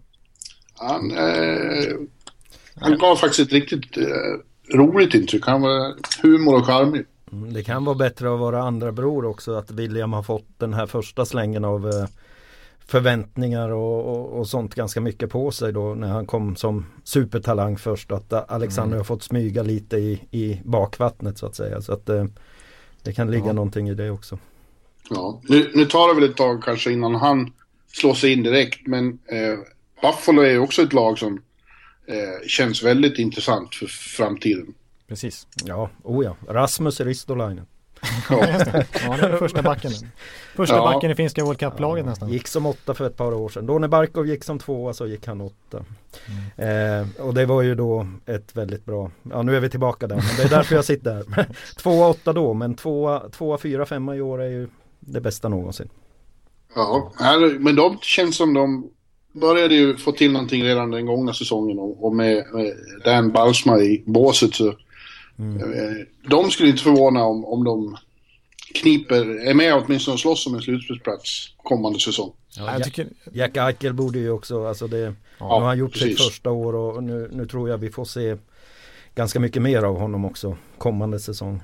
Mm. Och så förhoppningsvis om Lene kan vara frisk hela säsongen så att de har en, en potentiell första målvakt där verkligen. Istället för att ja. lita på typ Chad Johnson och sånt där. Ja. Eh, så, och, och ja, jag, jag, jag, tycker Buffalo ser spännande ut. Max Reinhardt och Ryan O'Reilly. Det finns eh, bra, en bra centersida där som eh, Nylander kan få som radarpartner i framtiden kanske. Ja, ja eh, eh, intressant ungt lag. Ja. Verkligen. I en väldigt en, en division som, som har varit lite bespottad senaste åren, Atlantic Division, som jag tror är på stark frammarsch nu med, med både Toronto och Buffalo. Med stora franchise-spelare på gång. Ja, det känns som det är ett litet så kallat paradigmskifte på gång där. Framförallt bland eh, de lagen uppe där i norr. Ja. Mm. Eh, ett, ett, ett, lag som Detroit som varit en stormakt nu spelar i samma division. Jag tror att det, alltså, det är inte Ja, gör de ingen, lyckas de inte fånga någon stor fisk på marknaden här som de är ute efter så, så kan de missa slutspel faktiskt nästa säsong. Ja, det har jag känt ett tag att så blir det. Men nu när de blev av med Pavel Datsjuk-kontraktet då som eh, Arizona tog över av lönetaks tekniska skäl. Så har de plötsligt, jag såg Ken Holland sa idag att de har ju 19-20 miljoner under taket som de kan spendera. Eh, så det skulle få, de har ju verkligen möjlighet att gå efter något stort och kan förändra den där bilden. Mm. Mm. A lot can happen in the next three years. Like a chatbot maybe your new best friend. But what won't change? Needing health insurance. United Healthcare Tri Term Medical Plans are available for these changing times. Underwritten by Golden Rule Insurance Company, they offer budget-friendly, flexible coverage for people who are in between jobs or missed open enrollment. The plans last nearly three years in some states, with access to a nationwide network of doctors and hospitals. So for whatever tomorrow brings, United Healthcare Tri-Term Medical Plans may be for you. Learn more at uh1.com. Ja. Alltså, ska, vi, ska vi fortsätta på draften eller ska vi faktiskt ge oss in på allvar nu med lite och snöa, snöa oss in lite på Detroit och på... Nej. Nej. Först ska vi prata Awards så blir jag med det också. Jag nämnde ju det att jag hade skickat en bild till Jarko från, från på, på, på Barkov. Ja. Jag var i Las Vegas på, på, på Awards. Ja, det måste vi ta upp förstås. Ja. ja. Och det faktum att eh, staden där fick sitt, eh, officiellt fick sitt lag i samband med, med galan där. Mm. Eh, men om vi börjar med, med själva awards-showen så var ju den stora eh, diskussionen att eh, Erik Karlsson kanske inte helt oväntat och blev blåst på, får man väl säga, sin tredje Norris Trophy. Den gick istället till Drew Dowdy och det var ju mycket debatt om det. Ja, du skrev en eh, sylvass krönika där i alla fall, när du tog ställning åt ett tydligt håll. Sylvass och Sylvass, den var svår att krama ur sig. Det är svårt att jobba i Las Vegas. Man vill, det är otroligt svårt att få fokus på att skriva när man bara vill gå och spela och dricka sprit. När du mejlade in den där krönikan så tyckte du det var skit och jag hyllade den direkt i ett svarsmail till dig. Jag tyckte det var rakt på sak och det var korrekt och eh, du rött till lite grann. Jag gillade den skarpt. Ja, tack. Jag trodde du bara var psykologisk och ville peppa mig. Nej, inte alls. Nej. Ja, du, Ja, men det var, jag tycker ju det. Att Erik Karlsson hade en helt unik säsong. Eh, och eh, förtjänade Norris mycket mer nu än i fjol till exempel. ja. ja, jag håller med dig. Det, att göra 82 poäng på 82 matcher, en poäng per match i snitt är ju svårt i dagens NHL oavsett vilken position man har. Men att göra det som back är ju liksom närmast unikt faktiskt, som du säger. Ja, i synnerhet när man spelar i ett lag. Han vinner assistligan också. Han spelar i ett lag där det fan finns knappt någon att passa. Nej, just det, exakt. Nej, och du har väl varit inne på det Jonathan tidigare att det finns stats som visar att han eh, är bäst på många andra områden som man inte då Ja. ser i rena rena poäng eller istid och så vidare utan han är Nej. inne på mål framåt och, och liksom och så vidare. Gräver man in liksom lite underliggande i statistiken då så, så ser man ju så är ju Erik Karlsson blir han ännu mer överlägsen kan man säga. Framförallt gentemot sina lagkamrater i, i eh, Ottawa. Alltså hur, hur, hur tydligt det är att hans på, lagkamrater blir bättre av att ha honom på isen. Mm. Och hur, hur effektiv han är på att spela pucken ur egen zon och sådär och flytta fram, alltså driva spelet när han är inne på isen så att säga. Ja exakt. Ja, om vi då ska Men, nämna det också att Sverige och Finland möts i kanske en direkt nyckelmatch då i World Cup i september så är det någon spelare som man fruktar, det är ju inte Kronvall som är lite slö kanske med, med, med ålderns rätt och, och andra utan det är ju det är ju kanske Erik Karlsson främst som man, man det gäller att inte ta utvisningar och få ett powerplay emot sig eller ett boxplay. alltså. Så att eh, nej Otäck spelare sett med blå, blåvita ögon. ja. Va, Drew Dowdy är ju också en, en, en fantastiskt bra hockeyspelare. Ingen snack om den saken. Men han hade ju ingen särskilt märkvärdig säsong i år. Eh, och grejen var ju mer att man hade den här känslan av att det var framförallt kanadensiska journalister som tyckte att eh, nej, han har blivit eh, förbigången så många gånger så i år är det dags för Dowdy. Eh, och det fanns några som kampanjade för det under säsongen. Eh, och, och, och de har stort inflytande. Så det var, känslan är ju att det var därför han fick det i år. Men är det inte så Per, borde inte det här göras om? Att det inte är journalisterna som röstar på det här utan det, att det ska vara en jury i stort sett? Eller, eller Ja, det kan man tycka. Det är för, det är för många med att rösta som eh, inte eh, har någon riktig koll. Jag är ju själv en av dem. Men du har koll? ja, jag vet inte om jag törs påstå det. Men, men ja, kanske. Eh, med, med, med olika karaktärer från olika håll i hockeyvärlden. Det kanske vore bättre. Då skulle jag få ge upp min plats ganska... Det du nämnde här, blev det inte lite av ett grupptryck bland de nordamerikanska journalisterna då att eh, just det där att han ska få det för lång och trogen tjänst att eh, att det blev att någon började föreslå det här så, så blev det liksom en lavin, en snöboll som började rulla och till slut så blev det han. Ja, det var ju till och med en konflikt. Det var ju nästan slagsmål på vissa pressläktare mellan Karlsson-falangen och Dowdy-falangen. Och det är långt, långt, långt innan awardshowen. Så man visste att det skulle bli så. Och sen visade det sig då att somliga inte ens hade med Erik Karlsson på, på topp fem. För att Ja, de det är ville... det är helt Och det är, för, det är då tydligt för att man vill hjälpa Dowdy. Ja, ja. Ja, ja, han fick ju ett tröstpris idag som man kanske inte ska nämna i den här podden egentligen men vi, vi kan väl göra det. Han fick Guldpucken nämligen idag. Som Sveriges Ja, av en bästa annan tidning. Det kan vi vara överens om för det, där ingår ju alla svenska spelare, det har de ju ändrat nu så att även NHL-spelare räknas in naturligtvis och då, skulle, ja, då är det bara att konstatera att han är ju Han är Sveriges bästa ishockeyspelare. Ja. Kort och gott. ja. Och världens I övrigt bästa finns det väl inte... Ja, förlåt. Och då, och då, vill jag, och då har vi ändå eh, då måste jag ändå poängtera från den där omröstningen med när man såg eh, hur folk precis hade röstat. Då avslöjades ju också att förutom de tre nominerade så hade vi fyra svenska backar topp nio. Alltså, Ja, det var, vilka var det? Hedman, Oliver Ekman Larsson och Klingberg var ju med där också. Ja. Jag tror Klingberg var sexa och han, kom, han rankas alltså i den här om, omröstningen som NHLs sjätte bästa back. Och han platsar inte i World Cup. Nej, precis. Ja, han skulle vi behöva. Dubbelt medborgarskap hade varit bra. Just det. Slå ihop den finska och svenska unionen så skulle vi ha ett ruggigt starkt lag. Ja, oh ja. I övrigt var det väl inga stora... Ja, det var mycket som var omdebatterat men ändå väldigt väntade vinnare i, i alla kategorier får man säga. Det, vad som förvånade oss svenskar på plats var ju att, att Henrik Sedin plötsligt dök upp. Det hade vi, det hade vi missat mangrant att han skulle få ja. King Clancy för insatser, ledarskap på isen och utanför isen framförallt humanitära insatser. Han dök upp med sin nioårige son Walter Sedin. Ja, det var fina scener faktiskt. Ja, ja, Walter var ju hjälte. Han satt med på podiet när de träffade media efteråt också och nickade mycket ivrigt när pappa sa att nu ska vi gå ut och göra stan. Ja, jag läste det. Jag tänkte fråga, ta upp det. Det, det lät ju lite oroväckande alltså. För utifrån min Las Vegas-vistelse här i, i tidigare i, i våras så, så, känns det inte så barnvänligt direkt. Nej, och Henrik Sedin skojade var ju ja, poängen. Jag tror inte Walter fick gå ut och spela så mycket roulette. Nej, det, bara gå, gå runt på de där gatorna kan nog vara lite halvriskabelt här känner jag. Ja, men där ska det ju snart gå hockeyspelare eh, hela vinterhalvåret och titta. För att eh, det var ju den stora nyheten i Las Vegas. Ja. Eh, att det bekräftades officiellt att eh, Las Vegas från och med säsongen 2017-2018 har ett, eh, ett eget NHL-lag. Vet fortfarande inte vad de ska heta. Ägaren Bill Foley har varit inne på eh, Las Vegas Black Knights, men det är inte säkert att det blir så. Jag tycker att det ska vara Las Vegas Flamingos. Jag tyckte förslaget Black Aces eh, som kommit upp någon gång tidigare lät bra. Men det... Ja. Men eh, hur, alltså rent det här vet ni ju kanske eh, förmodligen bättre än jag. Hur går det nu konkret till när de ska få sitt lag?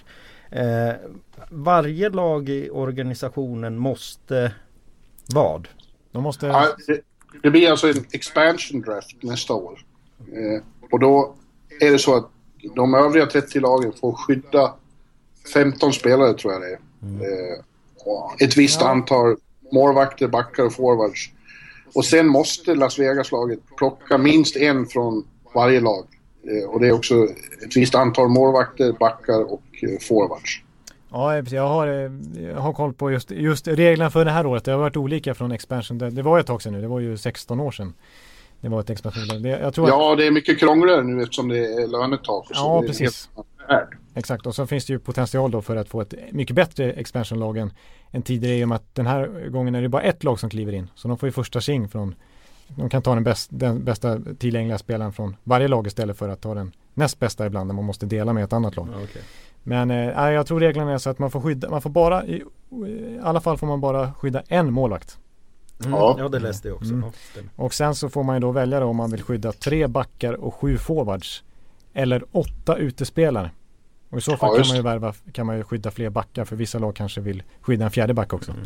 Men då får man ge upp några forwards. Så man kan ganska direkt säga att de kommer ju i alla fall få ett bra målvaktspar. För att eh, om, man, om mm. varje lag bara får skydda en målvakt så finns det ju väldigt många andra målvakter som, som, mm. som kan, eller som är riktigt bra helt enkelt. Ja. Och, och, även inom övriga lagdelar så, så låter det som att de får ett ganska slagkraftigt lag direkt.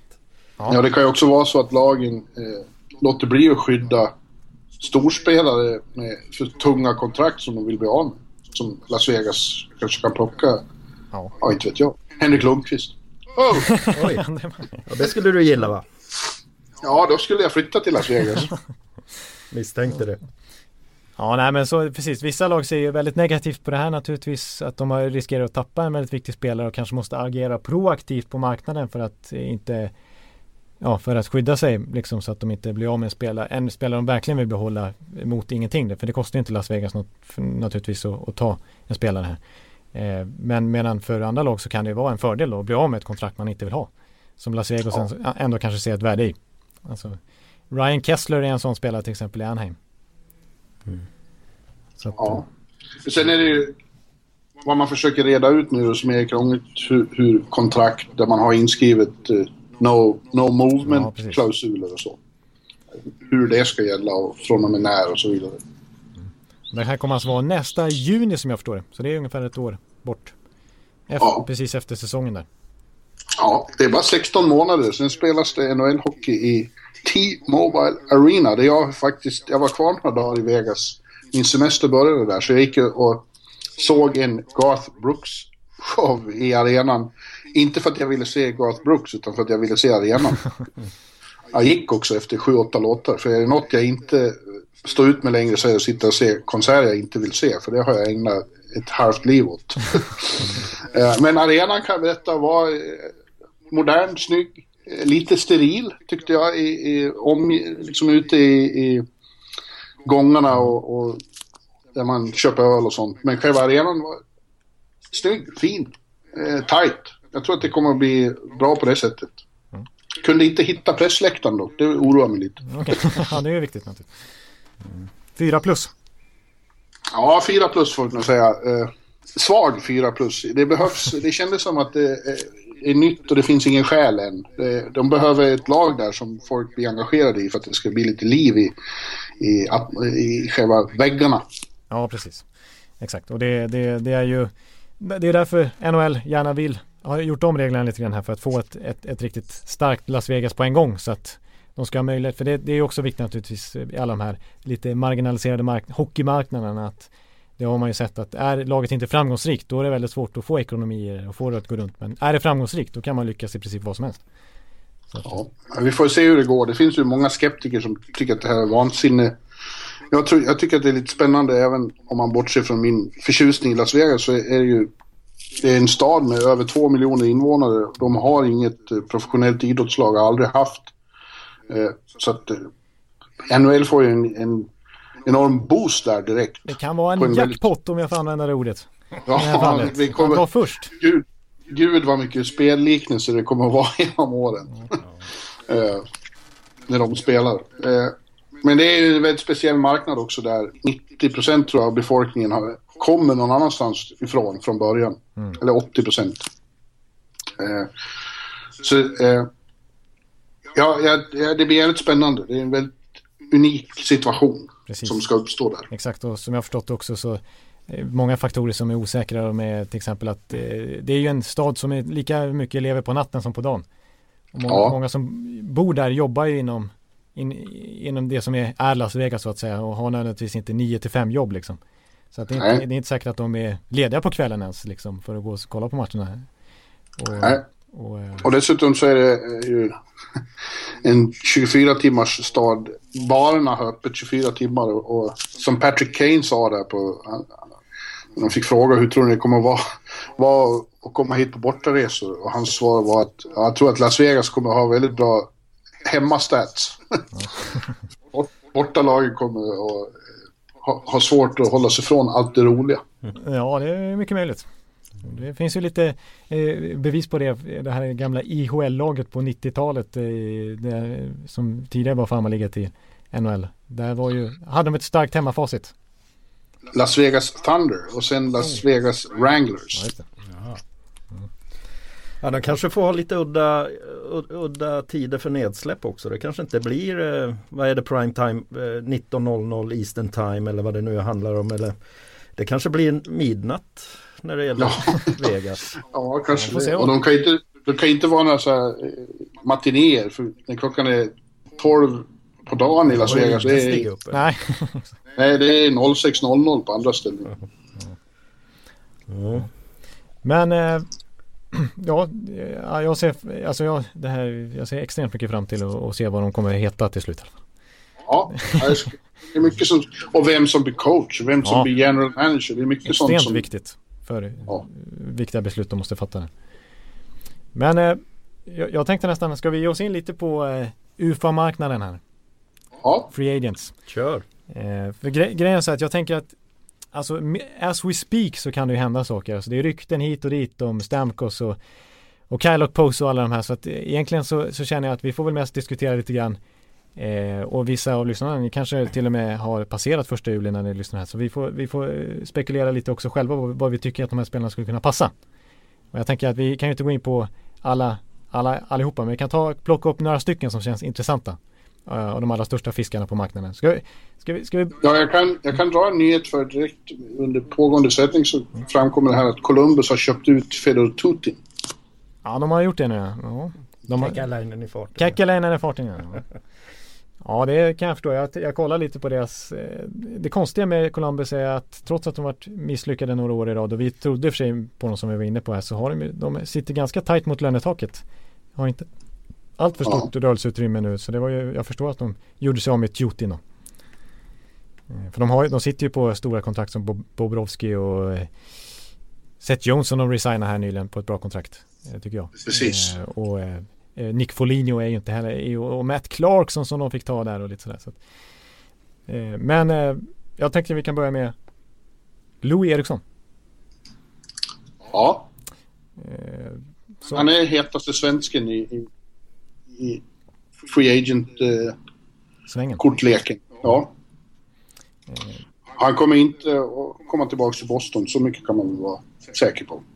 Ja, det kan vi nog börja slå fast nu för att de har ju, det har kommit uppgifter sista, ja, ända fram till nu de sista veckorna i princip att, att Boston för, vill förlänga med honom. De vill egentligen inte bli av med honom. Han gjorde ju 30 mål förra säsongen.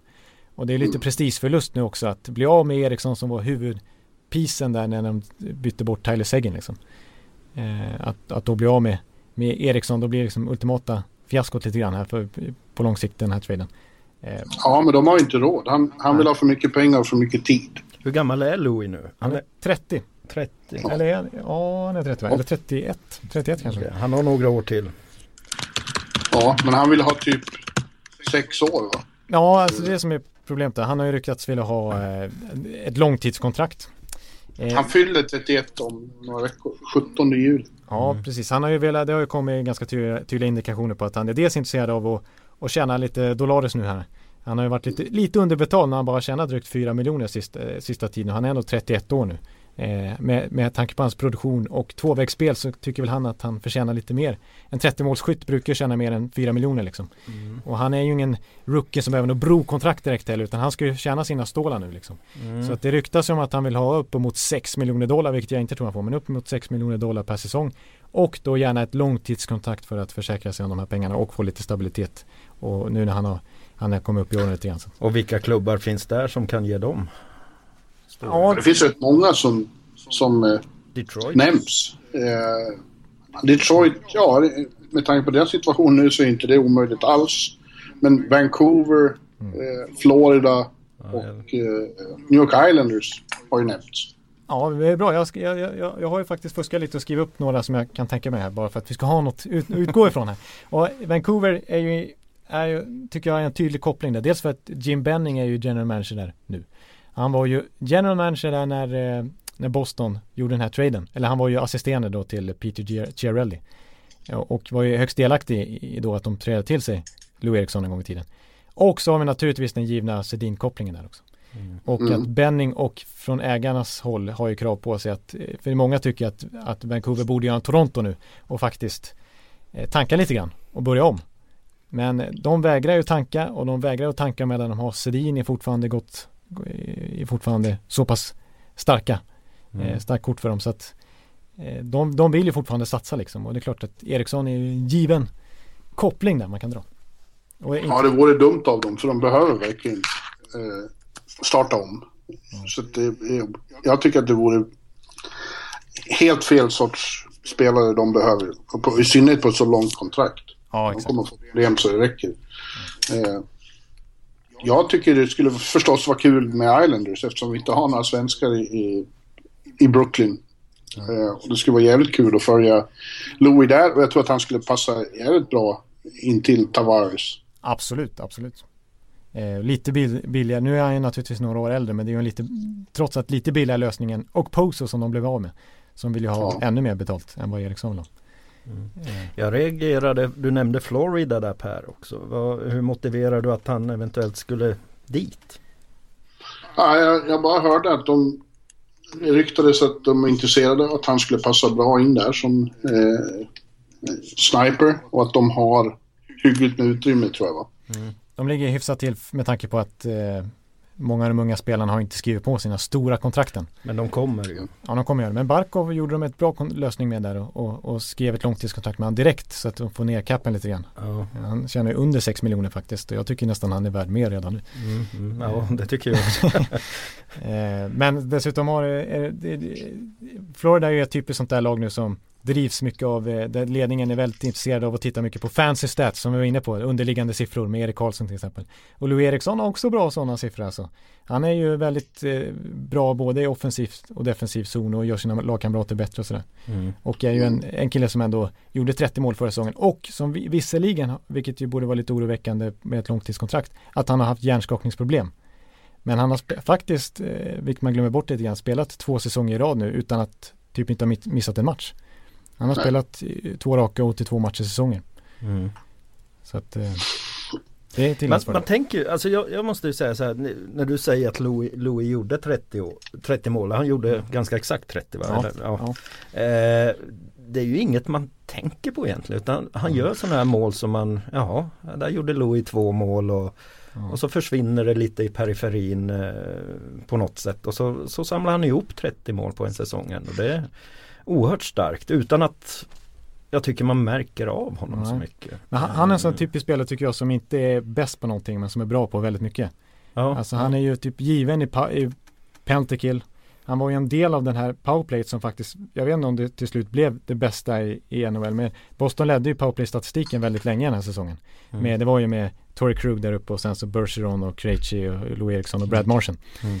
Eh, och, Lou Eriksson, eh, men han, alltså han gör ju mål i alla spelformer. Han kan, han kan göra 3-4 short-handed mål på en säsong. Mm. Eh, hitta mål från ingenstans i 5 mot 5 och sen stå fram, framför kassen och styra och, och, mm. och peta in retur också. Mm. mm. Nej, men det, det känns väl att han blir en förstärkning vart han än går höll jag på att säga. Att det är ju ändå en, frågan är om om han är värd pengarna så att säga och framförallt om det, om det krävs sex år då. Mm. Det, det, finns ju många klubbar som säkert inte vill låsa sig på sex år. Alltså det, eh, men eh, ja 30 år 35-36 mm, Hjärnskakningar, ja Skulle jag vara Floridas GM skulle jag inte vilja ha. Nej, kom till Islanders. Ja. Mm. Jag har ett, ett alternativ. En, vänta, för en anledning till att jag vill inte skulle ha något mot Florida heller. Det är ett av få lag som inte har några svenskar. Nej. Och jag vill ha svenskar överallt. Du gillar ju Florida. Jag gillar ju Florida. Både klimat och spelmässigt. Mm. Ja. Men ett, ett lag till jag säga Lou Eriksson som jag skrev upp här som ett alternativ som jag inte sett i rykten så det kommer förmodligen inte bli så. Men eh, det är faktiskt, och det är en sån typisk Ekeliv-koppling här. Så man, som, ja. Colorado. Jag tänker att eh, dels har vi, han funkar väldigt bra med Kalle Söderberg. Karl, du får inte säga Kalle. De har lite lönetak. Och eh, de blir av med, Jerome Ginla sitter ju på ett bra kontrakt just nu men det, det, går ut nästa säsong och då, han kommer förmodligen sluta då. Så det kanske finns en lucka där eh, ändå. Eh, tänker jag. Det kanske ja, inte är helt dumt. Om de kan hitta ett fyraårskontrakt eller något sånt där. Bara du slutar säga Kalle Söderberg för ja, då blir han arg. Ja, Man får inte säga det. Mm. Bra där Per. Ja. Ska, vi, ska vi ta den allra största fisken då som jag, jag har eh, som är väldigt eh, nära relation till mig då. Och det är ju då Steven Stamkos. Som ju ser ut att bli free agent. Det ser ju, alltså när vi sitter och snackar i alla fall så känns det som att... Eh, men... Ja, det blir Toronto. vi kan spika det. Nästa spelare? Nej, jag skämtar bara. Nej, men jag tror, Nej, jag faktiskt... tror faktiskt inte det blir Toronto. Nej. Jag tror inte han är så sugen på det själv. Eh, Nej. beror ju lite på vad det är för pengar förstås. Men det är ju en, en galen marknad. Eh, och, men det kommer ju bli huggsexa om honom. Det är många som kommer... Detroit är definitivt ute efter honom med, med, med sitt nya löneutrymme. Ja. Och, eh, och, och, där tycker jag tycker han är en bra fit där på det viset att de, de, de är också ett sånt där lag som absolut inte får tankar rent historiskt. Jag menar de har inte missat slutspel på 25 år och sådär. Och de har fortfarande, de har ju inte, alltså nu har ju inte Gustav Nyqvist och Tatar och och det här gänget, De Kaiser, så här, tagit och klivit som han hade förväntat sig. Men det finns fortfarande potential kvar där för att göra en liten rebuild on the fly. Och man har fortfarande ja. Henrik Zetterberg som, som har kanske några år kvar på okej okay nivå liksom. Och skulle de få in en Stamkos där, få en ny arena nästa år så blir det en ganska mäktig boost ändå för, för Detroit. Ja, jag, jag, några av de här unga killarna du nämnde, de hade väl vad vi brukar i den här bloggen, eller i den här podden kalla ja. sophomore slump. Precis, det obligatoriska uttrycket som måste komma med minst en gång per avsnitt.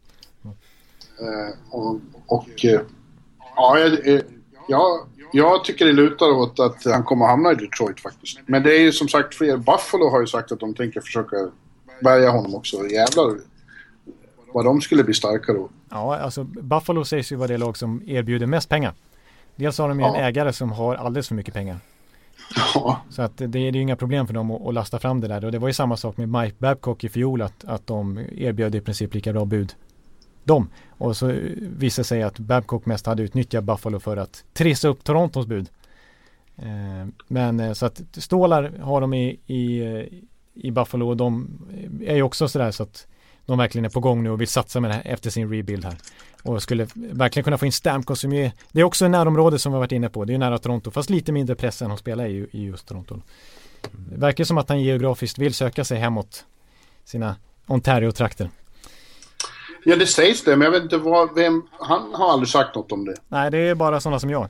Men, men, Ja, och kanadensiska journalister har det för sig att alla vill vara hemma, men det är inte så säkert. men där är också frågan, hur mycket har spelaren att säga till här? Alltså, är det han? Ja, blir, han, Va? blir han free agent så har han allting att Det är säga han till. alltså, det, det har ingen betydelse utan skulle Detroit kanske ge mycket, mycket mer i lönekuvertet än vad i det här fallet Toronto skulle ge så, så kanske det finns annat som lockar Ja. i Toronto i det här fallet för honom. Alltså att han, han skippar eh, en miljon här och där eh, i, i årslön för att få Absolut. komma hem till de här trakterna då eller? Ja, Absolut, han bestämmer själv. Men hans agent har en, en, kommer ju att försöka övertala honom att ta eh, bästa budet. För då får agenten mer pengar. där ja. Och så Ja. finns det den här gamla myten som man pratar om eh, som alla spelare dementerar om att, att, att spelarfacket ligger på om att trissa upp lönerna så högt som möjligt för att det gynnar alla spelare i längden. Att Ja, visst. ta så, bet- Så bra betalt som möjligt. Så att, eh, ja, ja, ja, jag måste säga det. Och det är alla möjliga lag har, har ju liksom i princip bekräftat hört av sig. Boston också liksom och Montreal som inte jag ser har någon löneutrymme direkt. Och, och Vancouver, han blev till och med straffad för att han var ute och uttalade sig för tidigt där, Jim Benning, innan han ens fick, Ja. fick bekräfta något intresse. Eh, men eh, jag, jag tycker, jag, tyvärr då så, så, så ser jag han som förlorad för Tampa. Och det har det har mentalt accepterat. Jag har lärt mig och liksom, jag kan sova på nätterna nu för tiden. För att eh, jag förstår det att på ett sätt är det bra rent för Tampa. Eh, Skulle man eh, behöva mäta sig med de här lönerna på upp mot 10 miljoner per säsong så skulle man ju behöva släppa andra viktiga spelare i Tampas fall. Typ kanske Ondrej Palat, kanske det blir svårt att förhandla med Victor Hedman nu. Eh, Det blir svårt med, med Alex Killorn och så andra. Tyler Johnson och, och Nikita Kutjerov som också ska ha nytt kontrakt. Men eh, så det har jag förlikat mig lite med. Eh, och sen, sen, samtidigt så har den här, stor, den här soppan nu pågått i ett år nu. Det var ett år sedan han hade rätt att börja förhandla om ett nytt kontrakt med Tempo. Och han har fortfarande inte skrivit på något. Så varför skulle han skriva på något nu sista dagarna? Det känns som att han vill inte stanna kvar. Nej, det sägs att han vill, att han trivs väldigt bra i, i Tampa och han har bott där länge och det är ett fantastiskt ställe att bo på. Men det är ju business det här. Han måste ju... Han vet ju sitt värde och måste ju dra in de här pengarna han kan få nu. Det ju, förändrar ju livet för, för honom och familjen och så vidare. Det går ju, man måste ju räkna med det. Och samtidigt så är det ju är det en fördel då att skriva. Tampa har ändå erbjudit 8,5 miljoner. Eh, jag rapporterar ju McKenzie och Drager och de här stora potentaterna. Dina polare, Mm. dina kollegor. Eh, Mm. Och i, i Tampas fall så, så innebär ju det, det är så väldigt låg skatt i Florida så att 8,5 miljoner dollar i Florida är ju betydligt mer pengar i faktiska pengar för, för Stamkos än vad det är i till exempel Toronto. Eller Buffalo. Ja, det, det är inte bara lägre skatt, det är ingen skatt alls. Eh, De har ingen Del, delstatsskatt. delstatsskatt heter det förstås. Ja. Vad är skatten i New York då? Ja, det är... Man kommer upp i de där summorna så är delstatsskatten som läggs på då, federala skatten, det är 8-9 procent. Så det är, och när man kommer upp i de där summorna är det faktiskt rätt mycket. Betalar du skatt där? Alltså det måste du göra från Aftonbladets lön också eller? Ja, ja, ja Jarko. Jag är skriven i USA och betalar skatt. Men jag har ju inte Steven Stamkos lön, även om jag tycker att jag men förtjänar du, du det. kan också tänka dig en flytt till Florida då bara för att få 0% till. Ja, Ja, för fan. mera svenska till Panthers då. Sven Gustafsson på DN har det bra i den eh, aspekten då. Vad är skatten i det Vegas nu när vi ändå var inne på det? Förlåt? Vad är skatten i Vegas? Ja, den är nog också... Nej, det, vet, jag, det kan inte uttala Det mig. måste, Jag du, vet ko- det måste du kolla upp i framtiden här för din egen skull. Ja, Ja, ja. Ja, jag, jag, jag, mitt tips är ju Detroit. ja, jag sa Toronto först och jag säger Toronto igen. Nej, jag säger Detroit också. Jag tror det blir Detroit. Ja, eh, okej nu. så- mm, Det, alltså, det känns så sjukt att jag sitter och säger det här men det, förmodligen blir det så. Eh, nästa spelare som jag tänkte vi måste ta upp är ändå eh, Kyle Poso. Som eh, är ju en bra målskytt på marknaden. Nu också som känns lite som eh, att han drar lite nytta. Jag vet inte men det är så många lag som är ute efter Stamkos nu. Det känns som att han kan bli en bra att många, kom, eh, många som mister Stamkos här kommer gå efter honom istället. Alltså samma, ja. Detroit där också, Buffalo och så vidare. Boston. Ja. Nämns. Eh, jag tycker han är ett exempel på, som vi kommer ihåg, vi pratade för något år sedan här om när eh, Verbata var så eftertraktad. Just det. För att han var den enda eh, som var tillgänglig. Så han blev övervärderad. Jag tycker nog att Okposo är lite övervärderad också. Ja. Håller med, håller med totalt. Alltså han, han gör sina säsonger men det är men han, han är inte tillräckligt jämn. Alltså han, han har inte en, en, alltså vad heter det alltid, lägsta högsta nivå så att säga. Den, den är, alltså, eller, hur, eller högsta lägsta nivå. Ja. Tvärtom är det ju. Alltså, han, han har sina dippar alltså som är Alltså ni kommer att se då nu när Mr Line kommer dit. Det kommer inte vara något dippar alltså. Så att, nu får ni en sniper av absolut högsta kvalitet direkt. Och han, kommer, han kommer göra, jag tror han kommer att göra 40 mål Line i debutsäsongen redan. Men det är bara jag som säger det. Eh, men nej och Poso, nej han skulle jag inte vilja ha i något Nej skulle jag leda ett lag så skulle jag inte vilja ha honom. Helt enkelt. Jag, jag, tror att anledningen till att Oposo vill ha så mycket pengar nu också som gör att Islanders inte kan förlänga med honom. För att Islanders hade säkert, eh, alltså jättegärna, han är, har ju en bra kemi med Tavares och sådär. Ja fast han är ändå, ja, jo det har han. Men det är ju samtidigt så att alla säger tänk om Tavares hade en riktigt bra mm. eh, winger med sig. Ja. Det finns ju en anledning till att de inte vill betala dem jättestora pengar. Nej, precis. Men jag tror att, att, att Oposo Alltså han övervärderar sig själv lite grann också för att han har ju varit i ärlighetens namn gravt underbetald nu länge. Han är 28 år nu och hans, han har haft ett långtidskontrakt fram till nu på bara 2,8 miljoner. Och då har han ändå, ja, då har han ändå gjort en 60-70 poäng i vissa säsonger. Mm. Och eh, så han, han, tycker väl att nu ska han få igen lite, han ska få lite kompensation liksom. Mm. Eh, men eh, jag håller med att alltså han, han vill ju ha så här 7 miljoner dollar per säsong och det, det, det är ju inte Nej, det är han ju inte värd. Nej. Nej. Det är inte omöjligt att han får det hos något lag som behöver, du vet, komma upp mot golvet och så. Nej, nej precis, exakt. Eh, jag, jag drar ju min gamla klassiska parallell då. Han är ju, det här är ju Bjurman så trött på, men han är ju från St. Paul, Minnesota. Mm. Den, ja, den, har jag missat. Jag har lyssnat på alla era poddavsnitt nästan men också somnat till alla avsnitt. Ja. Eh, var, var, kommer det där ifrån? Minnesota är, är Jontes lag i väst utan att han kan erkänna det riktigt. Ja, del, Jaha. Jaha. ja, lite så. Men dels också, dels också så syftar jag lite på det här faktumet att eh, eh jag har ju någon konstig tes om att eh, ja, som du redan har dementerat just i den här podden apropå Stamkos, men att ja, han, han, är, det är ju hans hem, det är ju hans lag, Minnesota. Mm. Han, ja. han, är ju från, han är ju från samma stad. Mm. Det var ju, Vanek har ju också kopplingar dit, nu är han utköpt. Ja det är sant, det är sant. Det blir ju nödvändigtvis inte succé. Jag menar, men Ryan, Ryan Suder och Zach Parisi kom ju dit också lite av den anledningen. Framförallt Parisi. Men eh, Ja, ja, det är inte omöjligt att han hamnar där. Men, men däremot just i Minnesotas fall så, så jag tror att, att, han, att de är absolut intresserade av honom och han kan gå dit.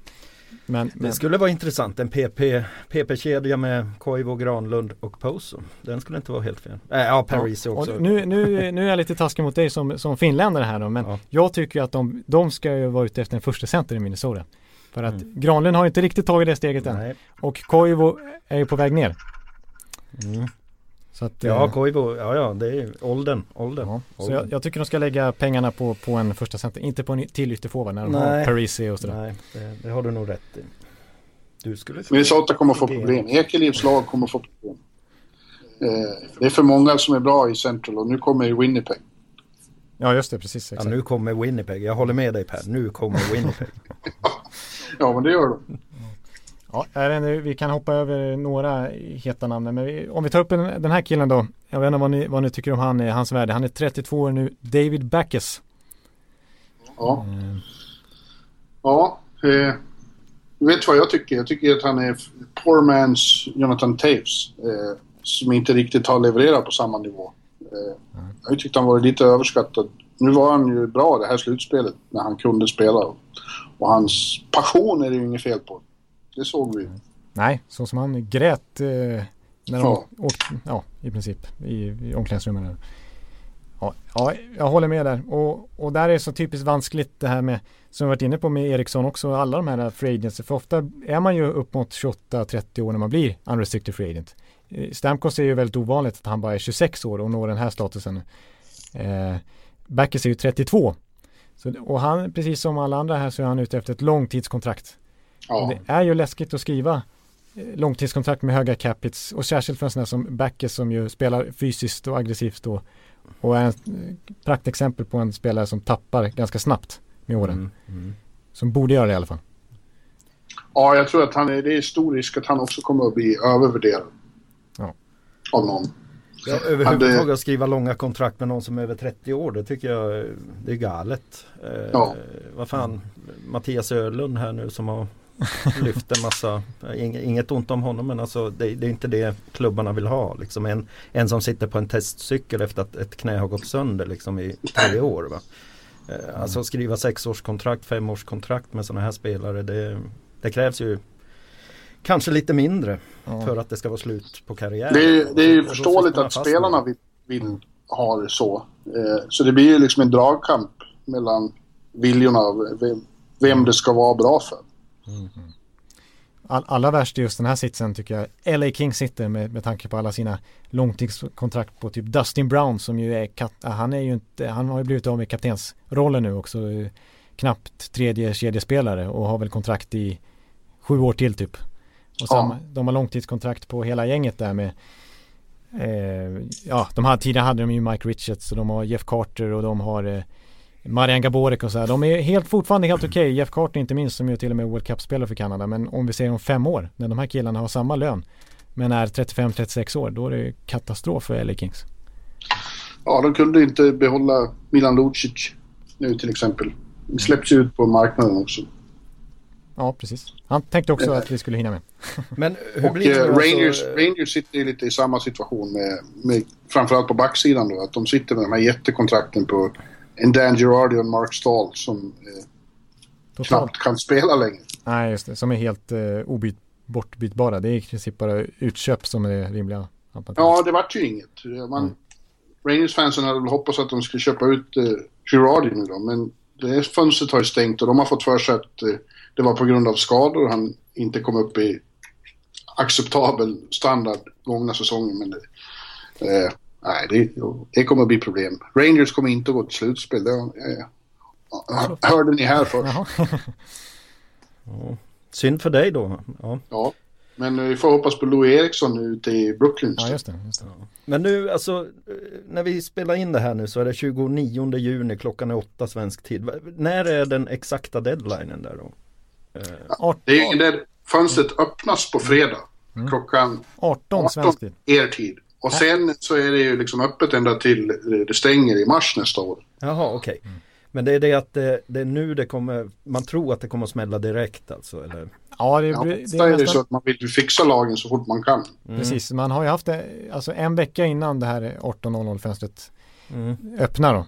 Så har, man, har ju de andra klubbarna för första gången chansen att prata med kommande ja, free agents. Exakt, och, och, då har ju de, de flesta free agents redan fattat beslut. Mm. Men de måste ju vänta då till till, till 18.00 eh, på fredag nu, till, första juni. Ja, precis, man kan och, göra det officiellt. Precis, och därför ja. blir det ofta så att Paff säger det, så är det 20 spelare på två timmar som är klara för nya klubbar. Mm, mm. Eh, och det är därför eh, TSN och Sportnet sänder live-tv och sådär. Ja, och förhandssnacket inför 2016 här, är det att det är hetare än tidigare år? Eller det var väl ganska mycket förra Ja, förra var det ganska, det, det, förra, jag tycker det har varit ganska många besvikelser. Men jag, så, som betanke, det här är inte, jag tycker inte det här är någon rekordsommar på det viset, men det är, det är en, en av de bättre på länge, tycker jag definitivt. Mm. Inte minst på grund av om Stamkos skulle mm. Ja. Eh, men jag tycker även alltså att vi inte är bort, det är väl på backsidan som, som, och på målvaktssidan som det är väldigt, det är många snipers som är tillgängliga men på backsidan då har vi typ Jason Demers som den största. Okay. Liksom. Men däremot så kan det ju komma överraskningar som man inte känner till egentligen. Eh, alltså ja, i, trader och sånt. I rena bytesaffärer. Ja, det, mm. precis. För det är ändå nu när det är free öppnar och så här som man verkligen börjar sätta sina trupper inför nästa säsong. Och då är ju trader också ett alternativ. Så det är ju mer mm. trader vid den här veckorna än vad det är i augusti liksom. Jag har precis gjort klart Sportbladets guide till hur vi skriver så att vi ska undvika lite korrekturfel. Ordet trade finns inte i svenskan. Men eh, ja, det var bara en parentes i allting. Man får alltså inte skriva, man får, absolut, man får alltså inte skriva Nej, det ordet T finns inte i svenska. EJD och inte TRADE. Absolut inte. Den, den, finns inte i svenska språket utan det är bytesaffär eller något eh, liknande som passar bättre. Du, det finns mycket som Jonathan Ekeliv säger som inte finns i det svenska språket. ja, så är det. Eh, men eh, ja, ett tag såg det ut som det skulle bli, eh, det gick ju, finalen gick mot sitt slut så var det ju så extremt mycket rykten om att eh, Malkin och sådana skulle vara eh, i spel mm. också. Flurry och mm. allt vad det var. Men det har ju lugnat ner sig lite och blivit mer normalt. Ja, det har inte varit så där jättemycket trade ändå. Eh, jag, jag, tror vi släpper lite våra free agents här. Vi har ju fler, så, så jag kan nämna bara namedroppa några som vi kommer se här första juli förhoppningsvis då. Milan Lucic som ni var inne på. Andrew Ladd som mm. det var så mycket snö. Han var ju en av de hetaste vid trade deadline då. Frans Nielsen tycker jag är ganska intressant center. Dock lite till åren han också. Eric Stahl som var sånt fiasko i Rangers.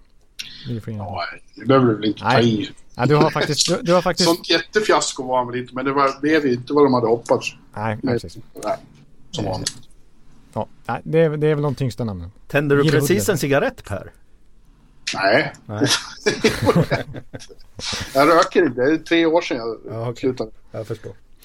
Ja, men, eh, men vi kan ju ta upp några eh, bara innan vi, innan vi avrundar här för nu har vi faktiskt hållit på i en och en halv timme drygt. Jag måste bara fråga en sak. Mm. Eh, en svensk till som, om det inte har hänt något som jag har missat här. Mm. Marcus Johansson. Känns det som han, han är RFA eller hur? Precis, han är restricted free agent. Och det var inte positivt för honom då att i samband med draften så, så bytte ju Washington till sig Lars Eller. Och eh, han har ett kontrakt på 3,5 miljoner dollar som blir ganska betydande i deras ganska knappa lönetakssituation där i Washington. Och han har ju ungefär, det är ju en ganska liknande spelare som Marcus Johansson. Ja, han är en andra eller tredje center som, som ju Mojo ska vara. Precis. Eh, och, och, men frågan är, har Washington gett honom något eh, sån här offer sheet? Ja, det tror jag de har gjort ändå. För att eh, precis, de vill ju ändå försäkra sig om att behålla rättigheterna till Johansson. Men, ja. eh, men de är nog inte så intresserade egentligen av att, eh, alltså, jag, jag får en väldigt stark känsla av att han kan vara på väg bort. Och att ja. det, det känns som att Lars Eller är en ersättare till Johansson. Och när, när man läste lite mellan raderna där vad general managern sa om den traden så liksom påtala att, att eh, Eller är liksom är van att kunna hoppa ner i en tredje kedja och spela en defensiv roll också. Han är inte bara en, en offensiv playmaker. Så vad skulle Marcus kunna hamna? Det är precis var som helst. Precis, då, då ska han tradas bort då helt enkelt. Jag gillar ju Marcus Johansson. Det, ja, det är jag med. Men det, inte Jarkov förstås men. det är trångt, det är trångt i, i den forwardsuppsättningen. Ja, precis. Och det känns lite som att eh, André Burakovsky har hittat sin roll lite bättre. Alltså som en ytterforward scoring-spelare. Medan Marcus Johansson vet vi inte riktigt. Han vet ju inte riktigt heller. Han har inte riktigt fått någon tydlig roll i Washington. Om han är en topp 6-spelare eller om han är en tredje center eller om han är pentakill eller en renodlad powerplay-spelare liksom. Eh, att, ja, men det blir intressant att följa också. Det kan vara ett fynd, av något, ett fynd av något lag att, att få honom. Mm. Mm. Mm. Ja, vi kan vilka namn hade du med nu? Eh, ja, vi, apropå Los Eller så i Montreal hamnade ju istället då Andrew Shaw. Mm. Eh, tyckte jag var lite intressant eh, eh, värvning av Montreal. Det, det, det, det, var ju så att, att Chicago jätte, det som du var inne på Bjurman tror jag förra podden att, att Quenville jättegärna ville behålla Shaw i Chicago. Ja. Det visar ju bara ännu en gång att Chicago har problem nu. De får ju släppa spelare de vill behålla hela tiden. Ja, de släppte ju han som heter vadå? Teuvo Teräväinen. Eh, jag, läste jag läste, bara för att ta en liten passus här, jag läste en intressant artikel. Han uttalar sig idag eh, till finsk media för att Finland Finland hade alltså en World Cup-samling idag i Helsingfors, alltså i media då med, med ledning och vissa spelare, Pekkarin, eh, Teräväinen och eh, tror Granlund var där och några till. Men det, det, det, ni kanske har hört det, alltså det gick ju rykte att spelarna i Chicago, vissa alltså av de ledande spelarna, kan gissa mig till att det är Kane, Tevs, eh, några av de här, ville få bort Teräväinen för att de ansåg han vara lat på träningen. Har ni läst det där? Nej, jag inte läst det. Nej, det ryktet går då och det har gått och Teravainen idag uttalar sig eh, eh, Ja, de ställde helt enkelt frågan att har du, har du varit lat? Alltså är det så att Chicagos eh, stjärnspelare ville få bort dig? Mm. Och då sa han att eh, jag har hört talas om det här och att eh, men jag tror inte det är sant utan jag, jag har tränat på som jag har gjort hela mitt unga liv hittills och jag kommer fortsätta träna så. Men att han också sa att det här kommer då och eh, ge mig en jäkla revanschlusta att visa i World Cup nu först och sen även i Carolina kommande säsong. Alltså. Mm. Och han kör ju specialträning nu. Han var ju lite axelskadad efter att säsongen tog slut och eh, och nu kör han specialträning med en, eh, vad heter det, skridskoåkare. Alltså ja, långdistans skridskoåkare. En finländsk eh, topp så här, för att förstärka framförallt musklerna på underkroppen. För det är väl det man har pratat om att han är han är för tunn fortfarande för NHL för att uh, riktigt slå sig in där. Va? Så att, men det, det, var inte intressant för det var första gången jag också hörde talas om det där ryktet att de, de stora spelarna i Chicago ville få bort honom. Alltså. Mm. Och det hade jag inte hört tidigare. Men det, det är liksom Nej, det går ett rykte om det, och, och, och, det svarar han på idag för första gången eh, under den här mediesamlingen i Helsingfors. Ja, det kan... ja nej, det var en nyhet för mig. Verkligen. Jag, jag såg det som att eh, Chicago ännu en gång efter att ha tappat Brandon Saad också tappa honom och så nu Shaw. Eh. Precis, men vi, vi, som vi var inne lite på i förra podden när vi pratade om den här traden specifikt med Teravainen. Att, att eh, vi förstod det som på lite som vi hade läst då att, att Quenville fick lite, ja, då, lite ultimatum typ att det blir, alltså vi kan absolut inte behålla både Teravainen och Shaw. Så vem vill du hellre ha i så fall? Mm. Och då gick båda två. Ja. Och då var, vill ju Quinn vill ha Shaw som är populär i omklädningsrummet och, och hela den grejen och, och som är den mm. eh, Alltså han, kan, han är versatile som man säger. Men jag kan tänka mig om det ligger något minsta i de här rykten att det finns en sanning att om vi säger Kane, Tevs eller, eller vilka det nu kan röra sig som har sagt det där. Så är det väl så att eh, coachen inte vill ha, antar jag, någon nå schisp mellan spelare och så vidare. Så att då, då var det väl enklare att släppa honom också. Ja, Om det ja, finns ett ogillande ja. inom truppen mot ja. Och han hade ju lite svårt att och, och verkligen, man trodde ju på genombrott i år. Men det blev ju inte det. Nej, han var ju, vad var han? Alltså Stanley Cup-finalen då 2015. Han var grym. Vann, så var han väl den mest effektiva av alla spelare sett till istid och så vidare, mm. alltså poängmässigt och så vidare. Eh, men det, det, det hände ju ingenting den här säsongen. En, härlig Tampa-dödare var han då. Usch. Ja, det kan man ju säga. Jag tänkte vi skulle prata om Andrew Shaw här va? Och, eh, då, då, eh, och eh, då, jag har sett att det är några som, att det är ganska många som ifrågasätter, han skrev ju snabbt då ett nytt kontrakt i Montreal, han var ju restricted free agent han med. På 3,9 miljoner dollar per säsong för sex år tror jag. Och det tycker ju många var lite för mycket för en spelare som är, han är ju ingen målskytt, Andrew Shaw. Alltså det är ju en, en bålgeting, höll jag på att säga. Som är, ja. är in your face liksom och, och eh, men som samtidigt kan spela en första kedja med Jonathan Taves och göra en 20 mål per säsong ändå. Och som kan spela en fjärde kedja och vara en av de jobbigaste killarna att ha att göra med på alla sätt och som är en sån här livlig kille i omklädningsrummet och sådär. Eh, att det kanske är lite för mycket att nästan betala 4 miljoner dollar till en sån kille. det man betalar för är oftast mål. Det är de som är dyrast. Och först backar som kan spela 30 minuter per match. Liksom. Mm. Men eh, jag, tyck, jag, jag, tycker ändå 3,9 är inte helt orimligt för Andrew Shaw. Med tanke på hur mycket han bidrar på många sätt och hur, hur användbar han är i alla möjliga spelformer. Han har ju, alltså det kan man ju det ska man inte övervärdera allt för mycket tycker jag här med att han har vunnit två Stanley Cups och sådär. Eh, han har ju spelat i väldigt bra lag också. Men eh, det är lite rutin och, och, och jag, jag, ser inte fram emot att i min division, Tampas division, behöva möta en kedja med Brendan Gallagher och Andrew Shaw. Alltså det kommer vara så mycket bullshit snack i, i den där kedjan alltså. Två stycken små skitungar alltså höll jag på att säga. Jag fick vi nästan klippa bort men. Du sa det. ja, överhuvudtaget så är det mycket karaktär där nu. Det blir intressant att se hur den kemin fungerar. Eh, Ja. PK också. Ja, precis. PK och Andrew Shaw. Det var mycket rykten om PK också under draft. Men det hände ingenting där. Nej. Nej, ja. jag kan inte tänka Nej, det är väl så att nej, Montreal det skulle krävas oerhört mycket för att släppa honom så det nästan inte finns. Mm. Nej. Han är ju en gjuten första back i, i väldigt många NHL-lag. Så att det, Absolut. Han, han, han bara tappar dem på och tradar bort. Mm. Hur var det nästan vad de än får, eller på sig. Ett, ett ska, ja vi kanske ska ändå börja runda av det här då.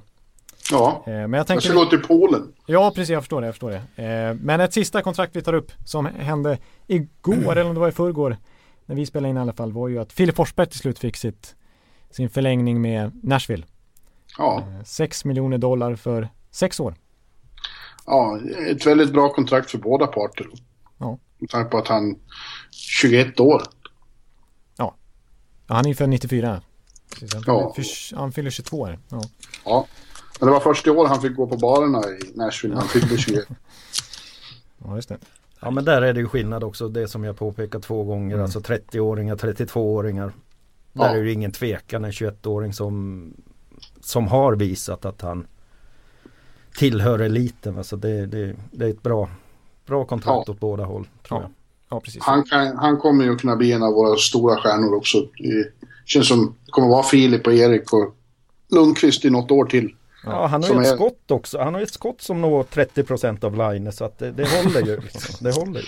Han är bäst, ja vad gäller, han är lite osvensk på det sättet att han är en riktig målskytt med ett jävligt bra skott. Ja, absolut. Han är en sån som, som- och som tänker så också att han, han vet om det. Han, han är inte rädd för att avlossa det där från dåliga vinklar när passning, spel, medspelare knackar med klubban i sig några passningar. Ja, jag såg en bild som förklarar rätt mycket om varför han är så bra. Det var från hemma i Leksand i, i fjol sommar. När han fortfarande, när han redan är etablerad stjärna i NHL så stod han ändå ute i regnet någon, någon dag i juli vid sin gamla eh, anläggning där han tränar skott. Stod och matade skott mot någon vägg. Ja. Det var någon som hade sett honom på håll. Det är lite I Jagger-takter. regn. Ja. Ja, det är ett snäpp kvar till Tjeckien där men, men ja. Ja, ja, träningstakten. Ja. Ja, precis.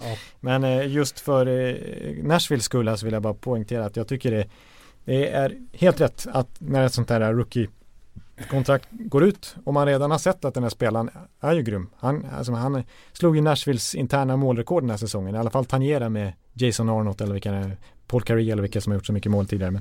Men, eh, så att han är ju, han är ju en franchise-spelare för dem och en, en, en kommande ännu större stjärna liksom.